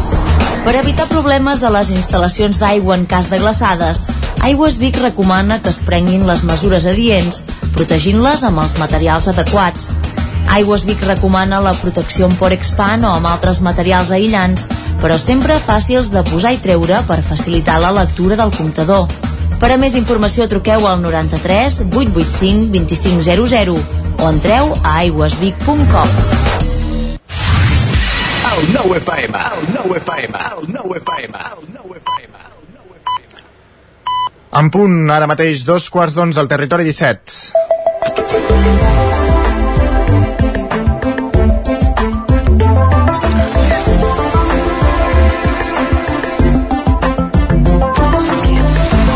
Aquesta hora és el moment de saludar com cada dia en Guillem Sánchez, bon dia. Bon dia, bon dia, bon dia. A veure què has trobat avui a Twitter, què ens portes? Doncs va, perdó, que ara sí, ara, Ara, sí. ara, ara. Amb la gola esclarida ja podem tirar. Va, no sé si t'has firat ja, Sergi, per al Black Friday. Mm, Aquesta doncs no. setmaneta o encara has de mirar alguna coseta. He de mirar alguna cosa. Doncs mira, eh, escolta què ens diuen alguns dels usuaris per xarxes. A un correu promocional més del Black Friday de sortir al carrer i començar a regalar exemplars del Capital de Karl Marx a tothom que em trobi. És que hi ha gent que no ho entén, hi ha gent que potser no, no sap per què, per què se celebra o n'està fart, simplement. O bueno, eh, gent també bueno, reticent no? a, to Aquest a, tot, a tots aquests esdeveniments capitalistes no? De fet, en aquest sentit, la Raquel també hi afegeix i ens diu jo he decidit que cada cop que en rebo un aprofito i em dono de baixa d'aquella newsletter. Diu, m'està quedant el correu ben polit. Jo, de fet, he de dir que avui al matí he obert també el correu i a Sí. la pestanya aquella de promocions i coses així Uh -huh. Posa ahir una quinzena de correus, com a mínim si Clar, és que ara és una època pesada, eh, aquestes setmanes. Jo per això si he de fer alguna compra ja et dic ara que o està vinculada amb menjar o, o no la faig. Com aquest usuari, en Bru, que ens fa molta i molta enveja. A veure. Ens diu, avui dinaré sopa de galets i fricandó amb trompetes de la mort. Bé. Diu, és possible un dinar més català? jo potser afegiria que amb el fricandó s'hi posi una mica de pa amb tomàquet, Uh -huh. així ho acabem de fer més català, i per postres un braç de gitano, per I exemple. coca de perafita. I coca de perafita, clar, tot, o tot, tot. algun dolç, algun dolç darrere, però jo crec que està al 99% de dinar català que, sí. que podríem fer. Tot això també s'ha de dir que ara amb les festes haurem de vigilar una miqueta més, eh, amb el, amb el menjar aquests dies, que vindran àpats pesats i aquestes Ara coses. s'ha de començar a controlar la cosa. De fet, no sé si això que fa aquesta usuària es podria considerar ben bé una, una dieta o no. Diu, el, el meu ayuno intermitente és menjar cada hora i mitja. és un perill, és un perill aquestes coses, és un perill. I en Gorka li comenta i li diu, jo també, i a més poso els warnings cada cop que m'apropo a la nevera. hem, hem, hem de vigilar, bàsicament perquè jo ja vaig comprar el primer torró de Suixart. No, no, a veure, uh, Guillem I els Sánchez. polvorons? Guillem Sánchez. Els eh, polvorons encara no, però el torró de Suixart ja ha entrat a, O sigui, encara a casa meva. un mes per Nadal, eh? Un mes. I Més estem- d'un mes. Bueno, dos dies més, o sigui, Correcte. un mes i dos dies. I ja tenim torró a casa i crec que la setmana que ve n'haurem de comprar Però un ja altre. te n'has menjat o no? No, encara no, s'ha d'estrenar. O sigui, només l'has comprat. Sí, per tenir-lo allà dintre l'armari a, veure, a veure què passa i com... I tu també ets de calendari d'advent o no? No, però també he de dir que les tradicions es poden canviar d'un dia per un altre. I si estan vinculades amb la xocolata, es canvien Clar, també molt, molt ràpidament. Dies de menjar, Sergi, i dies de celebracions familiars. Vinga, Espero que no us sí. passi mai això que ens explica la Marta. A veure. Diu, tinc un cunyat de 50 anys que s'ha enfadat perquè no hem canviat la data de la celebració d'aniversari de la seva neboda perquè ell havia quedat amb una persona per passar el cap de setmana. Atenció. Serem insolidaris, això que tota una família no pugui canviar els plans per la seva aventura. Home, s'ha de ser solidari. Hombre, clar. O sigui, ha de ser solidari el, el cunyat. Ostres, què costa anar a la celebració de la, de la neboda? T'has de poder compaginar tot, no? De fet, hi ha gent com la Gio que no hi ha vist problema en això i diu digue-li que la porti a la festa i després ja se'n podrà anar amb ella, no? Però ens confirmen igualment que està vetada per tota la seva família. Diu, alguna cosa haurà fet. Ah, o sigui, que no és un, un primer contacte. Jo entenc que no, que ja hi ha una coneixença Vale, prèvia vale. i que no... M'està interessant molt aquesta història. Home, jo crec que potser l'hauríem de seguir a veure si la setmana que ve sí. o si... Home, ah. potser en el sopar els hi donen sopa de carbassa i tot. Vull dir, sí, sí. Anirem seguint a veure si ens donen algun detall més d'aquesta història i d'aquesta festa Segueix de... aquest compte de Twitter i... I seguirem aquesta informant. història, eh? Vai, a veure què us sembla això que ens escriu l'Olga avui. Diu, he estat a la classe del meu nebot petit, 4 anys. Jo encara no havia obert la boca i un nen m'ha dit, sembles una bruixa. Dic, jo li dic, de les bones o de les dolentes? I em respon, de les molt dolentes. Diu, i una nena, acaronant-me, em diu, és veritat que sembles una bruixa, però crec que de les bones. També he de dir, no sé quina diferència hi ha Entre bruixa bona entre i bruixa dolenta, no? i bruixa dolenta o com un nen o nena de 4 anys pot id- identificar Clar, aquestes característiques amb una, amb una Quina- persona, només amb un sol a cop no de ser que vista. tingui una verruga al nas, doncs, eh, No ho sabem, és quin té aquest usuari, de fet no hem mirat la foto de, de, de perfil, podríem haver-ho haver mirat. Com et deia, no sé com prendre-m'ho jo això, el que tampoc sabria com prendre-m'ho i com respondre és el comentari que ens fa l'Arnau Tordera. Sí, a veure. Diu, he tingut un somni absolutament desconcertant. Ui. Diu, la Juliana Canet em convidava a menjar uns nyoquis amb formatge just en el moment en què un amic m'explicava que s'havia punxat metadona. No en recordo res més. Diu, algun psicoanalista a la sala? Ostres, uh, No, em sembla que no, em sembla que no. Va, i un dels personatges, i d'un d'un dels personatges, perdó, de la cultura popular i artística a un altre, en llegim el següent comentari. Ens diuen, ok, ara resulta que necessito una barretina i que en Peyu és el meu pare. Home, ahir va estar divertit, eh, en Peyu. Uh, ens, ens, va, ens, ens va emocionar, no? Podem, podem dir-ho així. Sí, ahir el Peyu va recollir el Premi Ondas pel búnquer i va anar vestit de... Bueno, com, Com un bon com, català. Com podríem dir, sí. Com un bon català. Com en Verdaguer Barretina, 2.0. Espardenyes, sí, sí. O com en resumeix l'Oriol, que ens diu ha hagut d'anar en Peyu al Liceu disfressat de la consciència nacional d'en López a dir quatre veritats davant d'Espanya. I en Xavier també s'ha de dir que ens confessa i diu pensant pensaments de comprar-me una barretina ara que començarà a fer fred. Hombre, a veure si ara es posarà de moda també Ten- la barretina. Tens barretina tu a casa, Sergi? Doncs no. Jo en dec guardar alguna de quan Bueno, feia de pastoret sí, o quan cantava caramelles no? o... Sí, allò, o- l'espectacle de Nadal del, del cul, eh? o alguna cosa així. Sí, sí.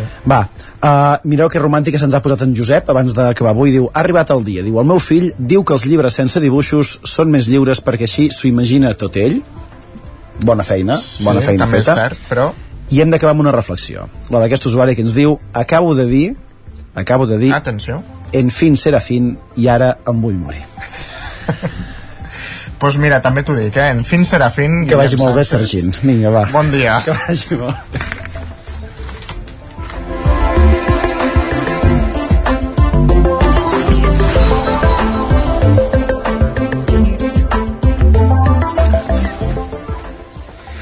I ara, quan passen 7 minuts de dos quarts de 10 del matí, és el moment de saludar en Joan Garcia i en Gerard Fosses de la veu de Sant Joan per parlar de cinema, com fem cada dijous.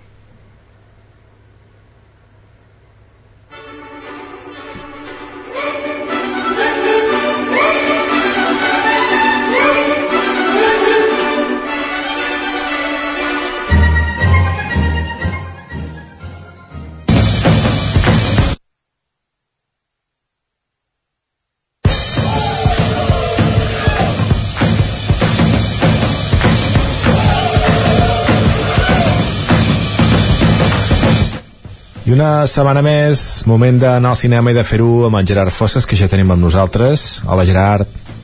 Hola, què tal? Ja comença a ser època ja de pel·lícules de Nadal i coses així, no?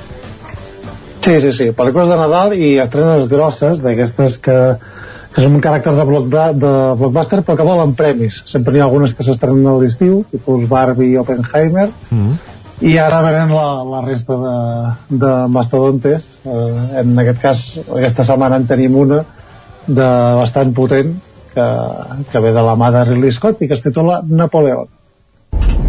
Yo no soy como los otros hombres. Generals gathered in their masses. ¡Fuera de aquí! Los que ostentan el poder solo me ven como un bruto, indigno de un alto cargo.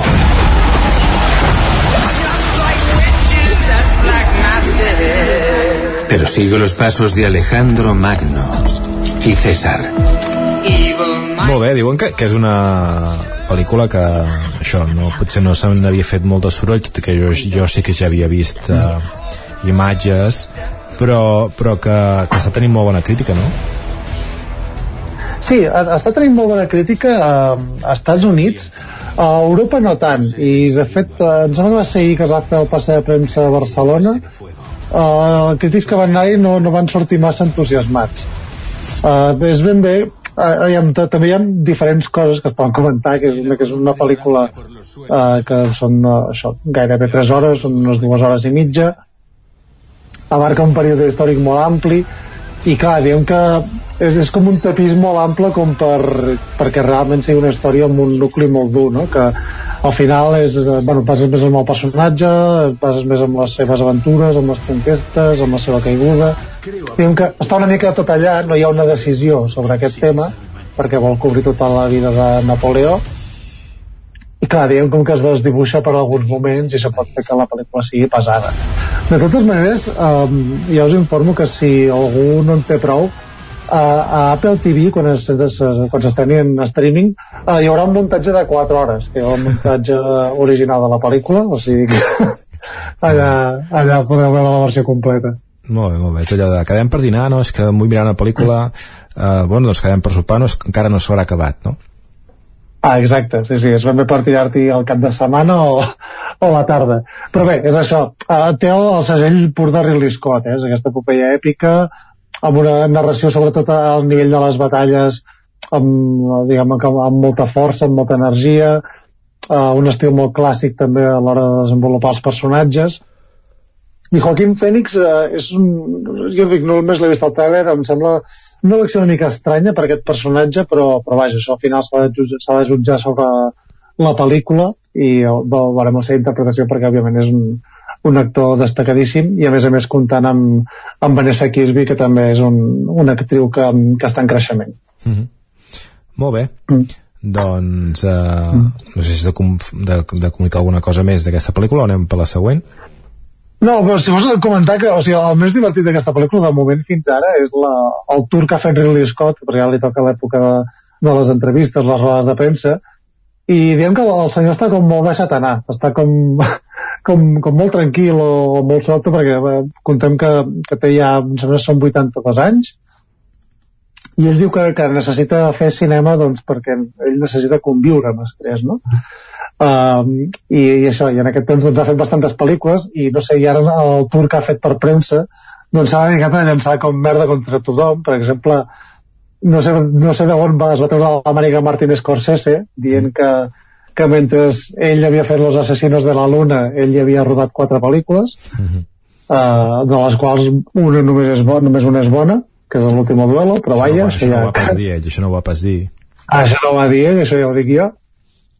Em va fer gràcia, per exemple, que li preguntaven sobre els francesos que criticaven la pel·lícula per com retrata la figura de Napoleó. El tio va contestar que els francesos ni tan sols s'agraden a si mateixos. sí. I, I tan tranquil quan el seu protagonista és com una de les figures més emblemàtiques de, de França. I llavors quan, quan també se, se li ha criticat per, per com retrata alguns fets històrics o com se n'inventa alguns directament, com ja, ja havia fet amb Gladiator, per exemple, Mm -hmm. Uh, doncs aquí el, el tio s'excusa dient que bueno, els historiadors tampoc van estar allà, per tant que, que el deixin en pau. Molt bé, ja ens agrada. Ja. Però bé. Sí, aviam, aquí un matís, eh? I, i, i aquí té raó que al final és en el cinema hi ha una regla que és que um, en anglès en diuen the, the rule of cool, que és que si una cosa és guai o està bé i és sintètica, doncs mm. uh, té prioritat sobre el rigor. Mm. Uh, això ve molt donat... En italià diuen si no ne vero ben trovato, no? Ah, exacte. no és ben bé sí, el sí. mateix, però... Però està per allà. Mm. I al final tot això venia per una escena on hi ha els francesos bombardejant les piràmides d'Egipte, cosa que no va passar mai, eh, que em sembla que es veu al trailer ja directament. I bé, i d'aquí altres eh, coses històriques, però bé, recordem que a Gladiator hi havia gent en texans, per tant, què, què, què més volem? Molt bé. Doncs ara cinema per la següent. Sí, anem per la següent, que és uh, pel·lícula de, de factoria Disney, en aquest cas dels mateixos productors de Frozen, uh, amb una pel·lícula que es titula Wish, el poder de los deseos. Érase una vez, Rosas, un reino mágico fundado por un rey que tenía el poder de conceder deseos. Eres su guapísimo y adorado rey. Tienes razón. Soy un rey muy guapo. ¡Qué nervios! Creo que voy a explotar. Mi mejor amiga, el aprendiz del rey. Se me cae la boca, creo que se me cae. Asa, acompáñame. Los deseos de rosas. La gente me da sus deseos y yo concedo los que sé que son buenos para rosas. ¿Algunos no se concederán nunca? Digamos que la mayoría. Merecen más que... Yo decido que se merece cada uno. Ai, que tan bo no era aquest home, eh? No, exacte. Sempre hi ha algun personatge obscur per allà al mig, tot i, tot i ser pel·lícules d'aquestes eh, molt destinades al públic infantil. I bé, i aquesta és, és com la, la pel·lícula que, que, diguem, que serveix per culminar la celebració d'aquests eh, centenars d'anys que, que compleix eh, Disney aquest any i això ho fan amb, amb això, amb els productors que venen de la factoria Frozen que és com el seu últim gran, gran èxit com a mínim això a nivell global i, i com a fenomen de cultura popular.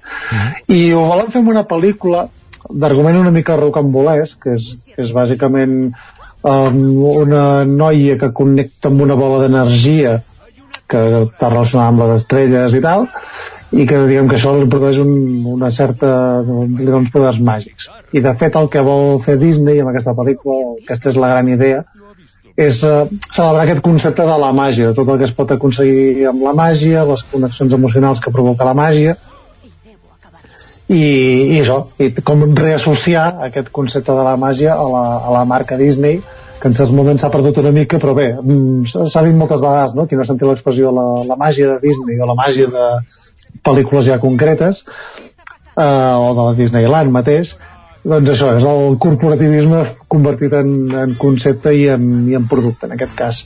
Uh, ja dic, és una pel·lícula una mica mm, rocambolesca, amb tots els ingredients que ha de tenir Disney, que són personatges arquetípics, algun petit gir de personatge bo que sembla dolent i de dolent que sembla bo, alguns números musicals desenvolupats, una bona animació, Uh, però vaja, uh, segueix amb la sensació que, este, que, que hem comentat últimament que li passa a Disney li passa a Pixar, que forma part de Disney, també hi ha, uh, que, que, que hi ha un cert estancament, hi ha un cert desenvolupament empresarial en el qual van traient productes, però que falten coses realment fresques i innovadores. Vull dir, sembla que s'agafin a valors actuals uh, simplement pel fet de que estan de moda, eh, que es puguin amagar una mica si la pel·lícula s'ha d'estrenar a Xina, eh, parlant de temes sense aprofundir-hi, eh, diguem que segueix una mica aquesta tònica i per tant és una pel·lícula que funciona prou bé a nivell narratiu, eh, que pot agradar a tots els públics, però que ja no, diguem que no té, li falta identitat, bàsicament, que és el que tenia Disney fa molts anys i que fa temps que ha perdut. Molt bé, doncs de la màgia de Disney a la màgia de la ràdio, seguim amb, amb aquest espai i anem per la tercera pel·lícula. Per cert, que no hem dit, eh? Entenc que aquestes dues que hem repassat fins ara es poden veure a tots els cinemes. Sí, exacte, amb tots els cines de multisales, aquestes són les dues grans estrenes del cap de setmana, i la tercera és una pel·lícula més petita que no, no podrem veure de moment a cinemes propers, però que m'agrada destacar-ho, eh, sobretot perquè la directora és eh, una directora molt potent d'Espanya, de, de que és com és la Paula Ortiz, que veiem una pel·lícula que es titula Teresa. Decidme, ¿quién sois? Teresa. Si es que sabéis quién sois.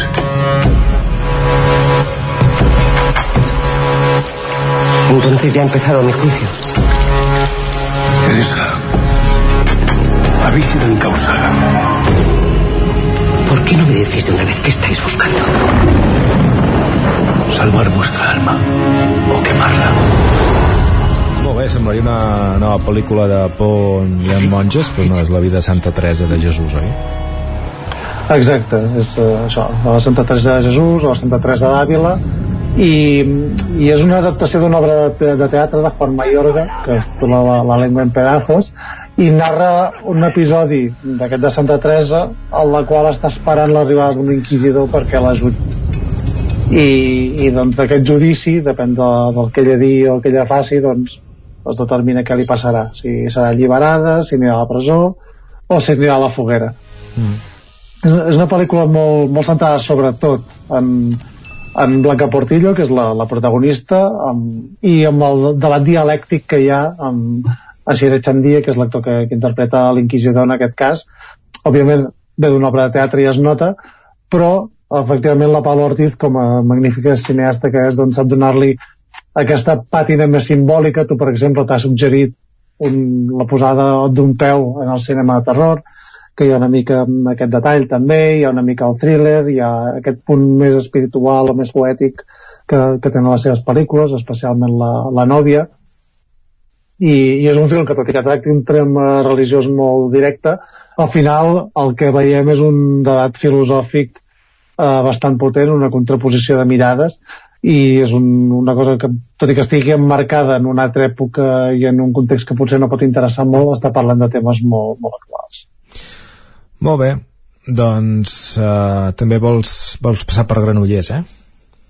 Sí, destacar eh, que, que en aquest cas a, a Granollers, en el, el cinema Edison, cinema que per cert no tenia controlat, ja el mirarem a veure si l'hem d'incorporar al territori 17, eh, s'està um, això, celebrant aquesta setmana el, el, Granollers, el Fantàstic Granollers, que és el festival de cinema fantàstic de, de, òbviament de Granollers, i que durant aquests dies s'hi podran veure diferents projeccions de curs i de, diferents projeccions de llargs també uh, pel·lícules que han triomfat uh, recentment a festivals com Sitges o Molins com són Raging Grace, Sleep o Vincent de Morir uh, hi ha un, un film uh, també per, infantil que és Els contes populars xinesos de Yao un, un film amb, amb una animació preciosa.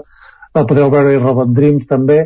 I això hi diferents uh, seccions de, de curs en competició, per tant us recomano que, que mireu la, la selecció que, que dura des de dimecres fins a diumenge i a disfrutar d'aquest festival de fantàstic que ha dona això, uh, diguem, que és el tancament de, de festivals uh, nacionals.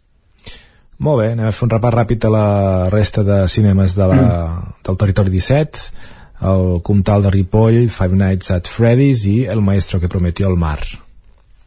Sí, Five Nights at Freddy's no la vam destacar, és una adaptació d'un videojoc amb uns, amb uns ninots animatrònics que, que maten a gent i El Maestro que prometió el mar sí que ha destacat pel·lícula catalana destacadíssima d'aquestes últimes setmanes.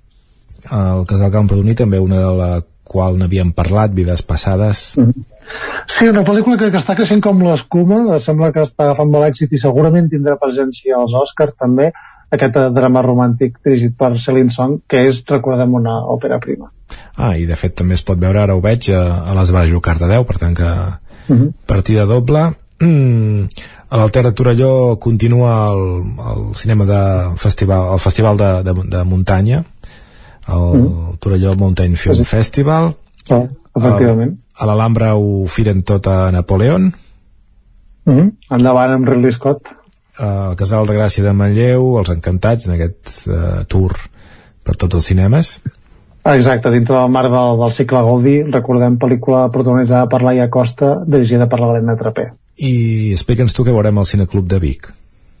Sí, el cine, el Cineclub en aquest cas és sessió molt estranya, perquè anem com en doble sessió de terror, quasi bé casual. Uh, aquest divendres hi ha sessió de Cineclub Vic, amb la pel·lícula Bliss, uh, que és una pel·lícula de terror lisèrgica i contundent, uh, dirigida per, per Joe Begos. Uh, molt recomanable i una gran descoberta, uh, si, si no l'heu vista.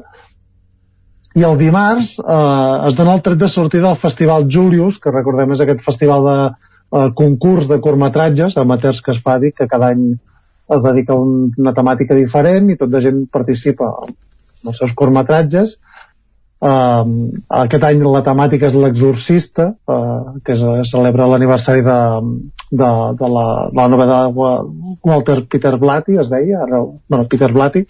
Jo li dic, i en aquest cas la projecció que es fa el dimarts uh, no és l'exorcista, com es podria pensar sinó que és la pel·lícula El príncep de les tenebres de, de John Carpenter on, on el dimoni uh, també té una presència molt, molt important. Molt bé, doncs escolta, moltíssimes gràcies i fins la setmana vinent. Moltes gràcies a vosaltres i seguim amb més estrenes la setmana que ve. Doncs gràcies, Joan, gràcies, uh, Gerard. Falten gairebé 7 minuts uh, per acabar el programa i l'acabarem amb alguna recomanació de sèries.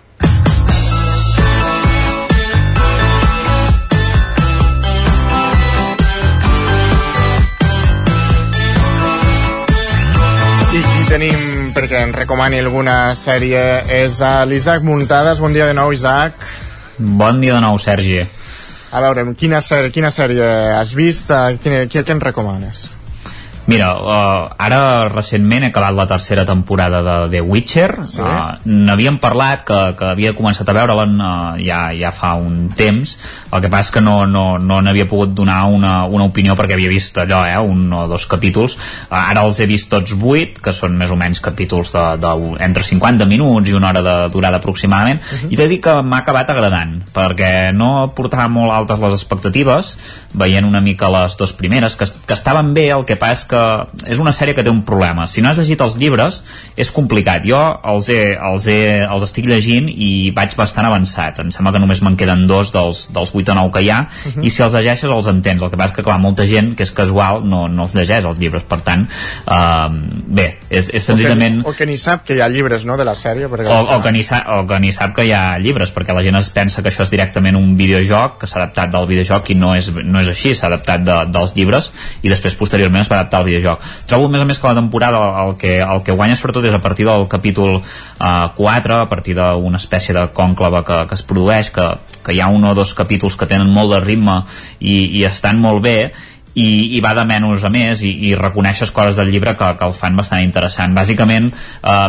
aquesta tercera per- temporada parla una mica de, de, de, del destí que va unir a la, a, a la en Gerald de Rivia, que és el protagonista amb la Yennefer, que és Mhm. la, que és la, la maga doncs, que una, una de les protagonistes de- d'aquesta sèrie que lluiten per protegir la Siri, que és l'altre protagonista. I aquí, a partir d'aquí, també hi ha una, una sèrie de, de l'arribada de la guerra, no?, en aquesta temporada ja, i, i bé, és un, tampoc no vull explicar gaire cosa perquè realment faríem molts, molts spoilers i, i l'heu de veure, realment la màgia hi és molt present en aquesta sèrie, hi ha uns combats molt ben coreografiats en el seu moment, es parla molt de, de política, en certa manera, vull dir que és una sèrie que, que vol fer una mica de, de joc de trons, eh, en certa manera. I recomanes veure-la, eh? Sí, sí, recomano veure-la i, i realment això, eh, són 8 capítols, per tant és, és curteta. Um, si tenim temps, res, us, us, Sí. us faig un abans d'un altre de, de sèrie de Netflix, uh, Sí. que és el, és el Juego del Calamar, el Desafío. Ah, sí. Uh, sabeu que hi ha el Juego del Calamar de l'any 2020, aquella sèrie coreana que, que ho va patar totalment, que Mhm. tothom a les escoles hi jugava, doncs ara, ara han fet a la versió real. Ara són gent real... eh, Real entre en aquest- cometes. Real entre cometes, eh? Sí, expliquem. Aquí no mor ningú. Bé, no? No mor ningú en principi, no he vist la sèrie, Ah. ah. en principi no mor ningú. Uh, ja et dic que són 456 jugadors uh, que volen, bueno, però va, posen a prova les seves habilitats per, per guanyar doncs, aquests 4,56 milions de dòlars, de la sèrie eren wons, aquí ja són dòlars, ja es nota que d'on d'on s'ha fet una mica aquesta... I el premi final és el mateix. I el premi final, en teoria, sí, suposo que deu ser el, el mateix. No, no, eh, tampoc ho especifiquen, perquè tampoc ja et dic, no l'he vista. Eh, la van estrenar ahir, vull dir, l'he de veure. Eh, això sí té un problema, la sèrie. Quin? No està completa. És a dir, hi ha els primers 5 capítols ara, però els 4 següents em sembla que no estan disponibles fins al 6 de desembre. Ah, això que fa Netflix ara a vegades. Sí. Bueno, ja ho fan... Sí, sí, sí. I, i de fet, eh, perdó, ha estat dividit en tres parts fins i tot, o sigui, n'hi ha alguns que s'estrenen el pròxim dia 29, el pròxim dimecres 29, per tant encara, bueno, podreu veure alguna cosa, però, però no massa tampoc, vull dir que aquest és, bueno, està bé, veiem quines proves ens, ens posen. Sí, sí, doncs, bueno, doncs la, la mirarem, la mirarem. Doncs, Isaac, gràcies uh, per aquestes recomanacions. A vosaltres, moltes gràcies. Doncs més recomanacions dijous que ve de sèries. Nosaltres arribem al final del territori 17 eh, amb aquestes recomanacions doncs arribem al final del programa. Us hem acompanyat durant dues hores des de les 9 fins ara Enric Rubio, Roger Rams, Isaac Muntades Pepa Costa, Guillem Sánchez Joan Garcia, Gerard Fossas Miquel Giol i Sergi Vives. Nosaltres hi tornem demà puntuals a les 9 del matí. Que acabeu de passar un molt bon dia, fins demà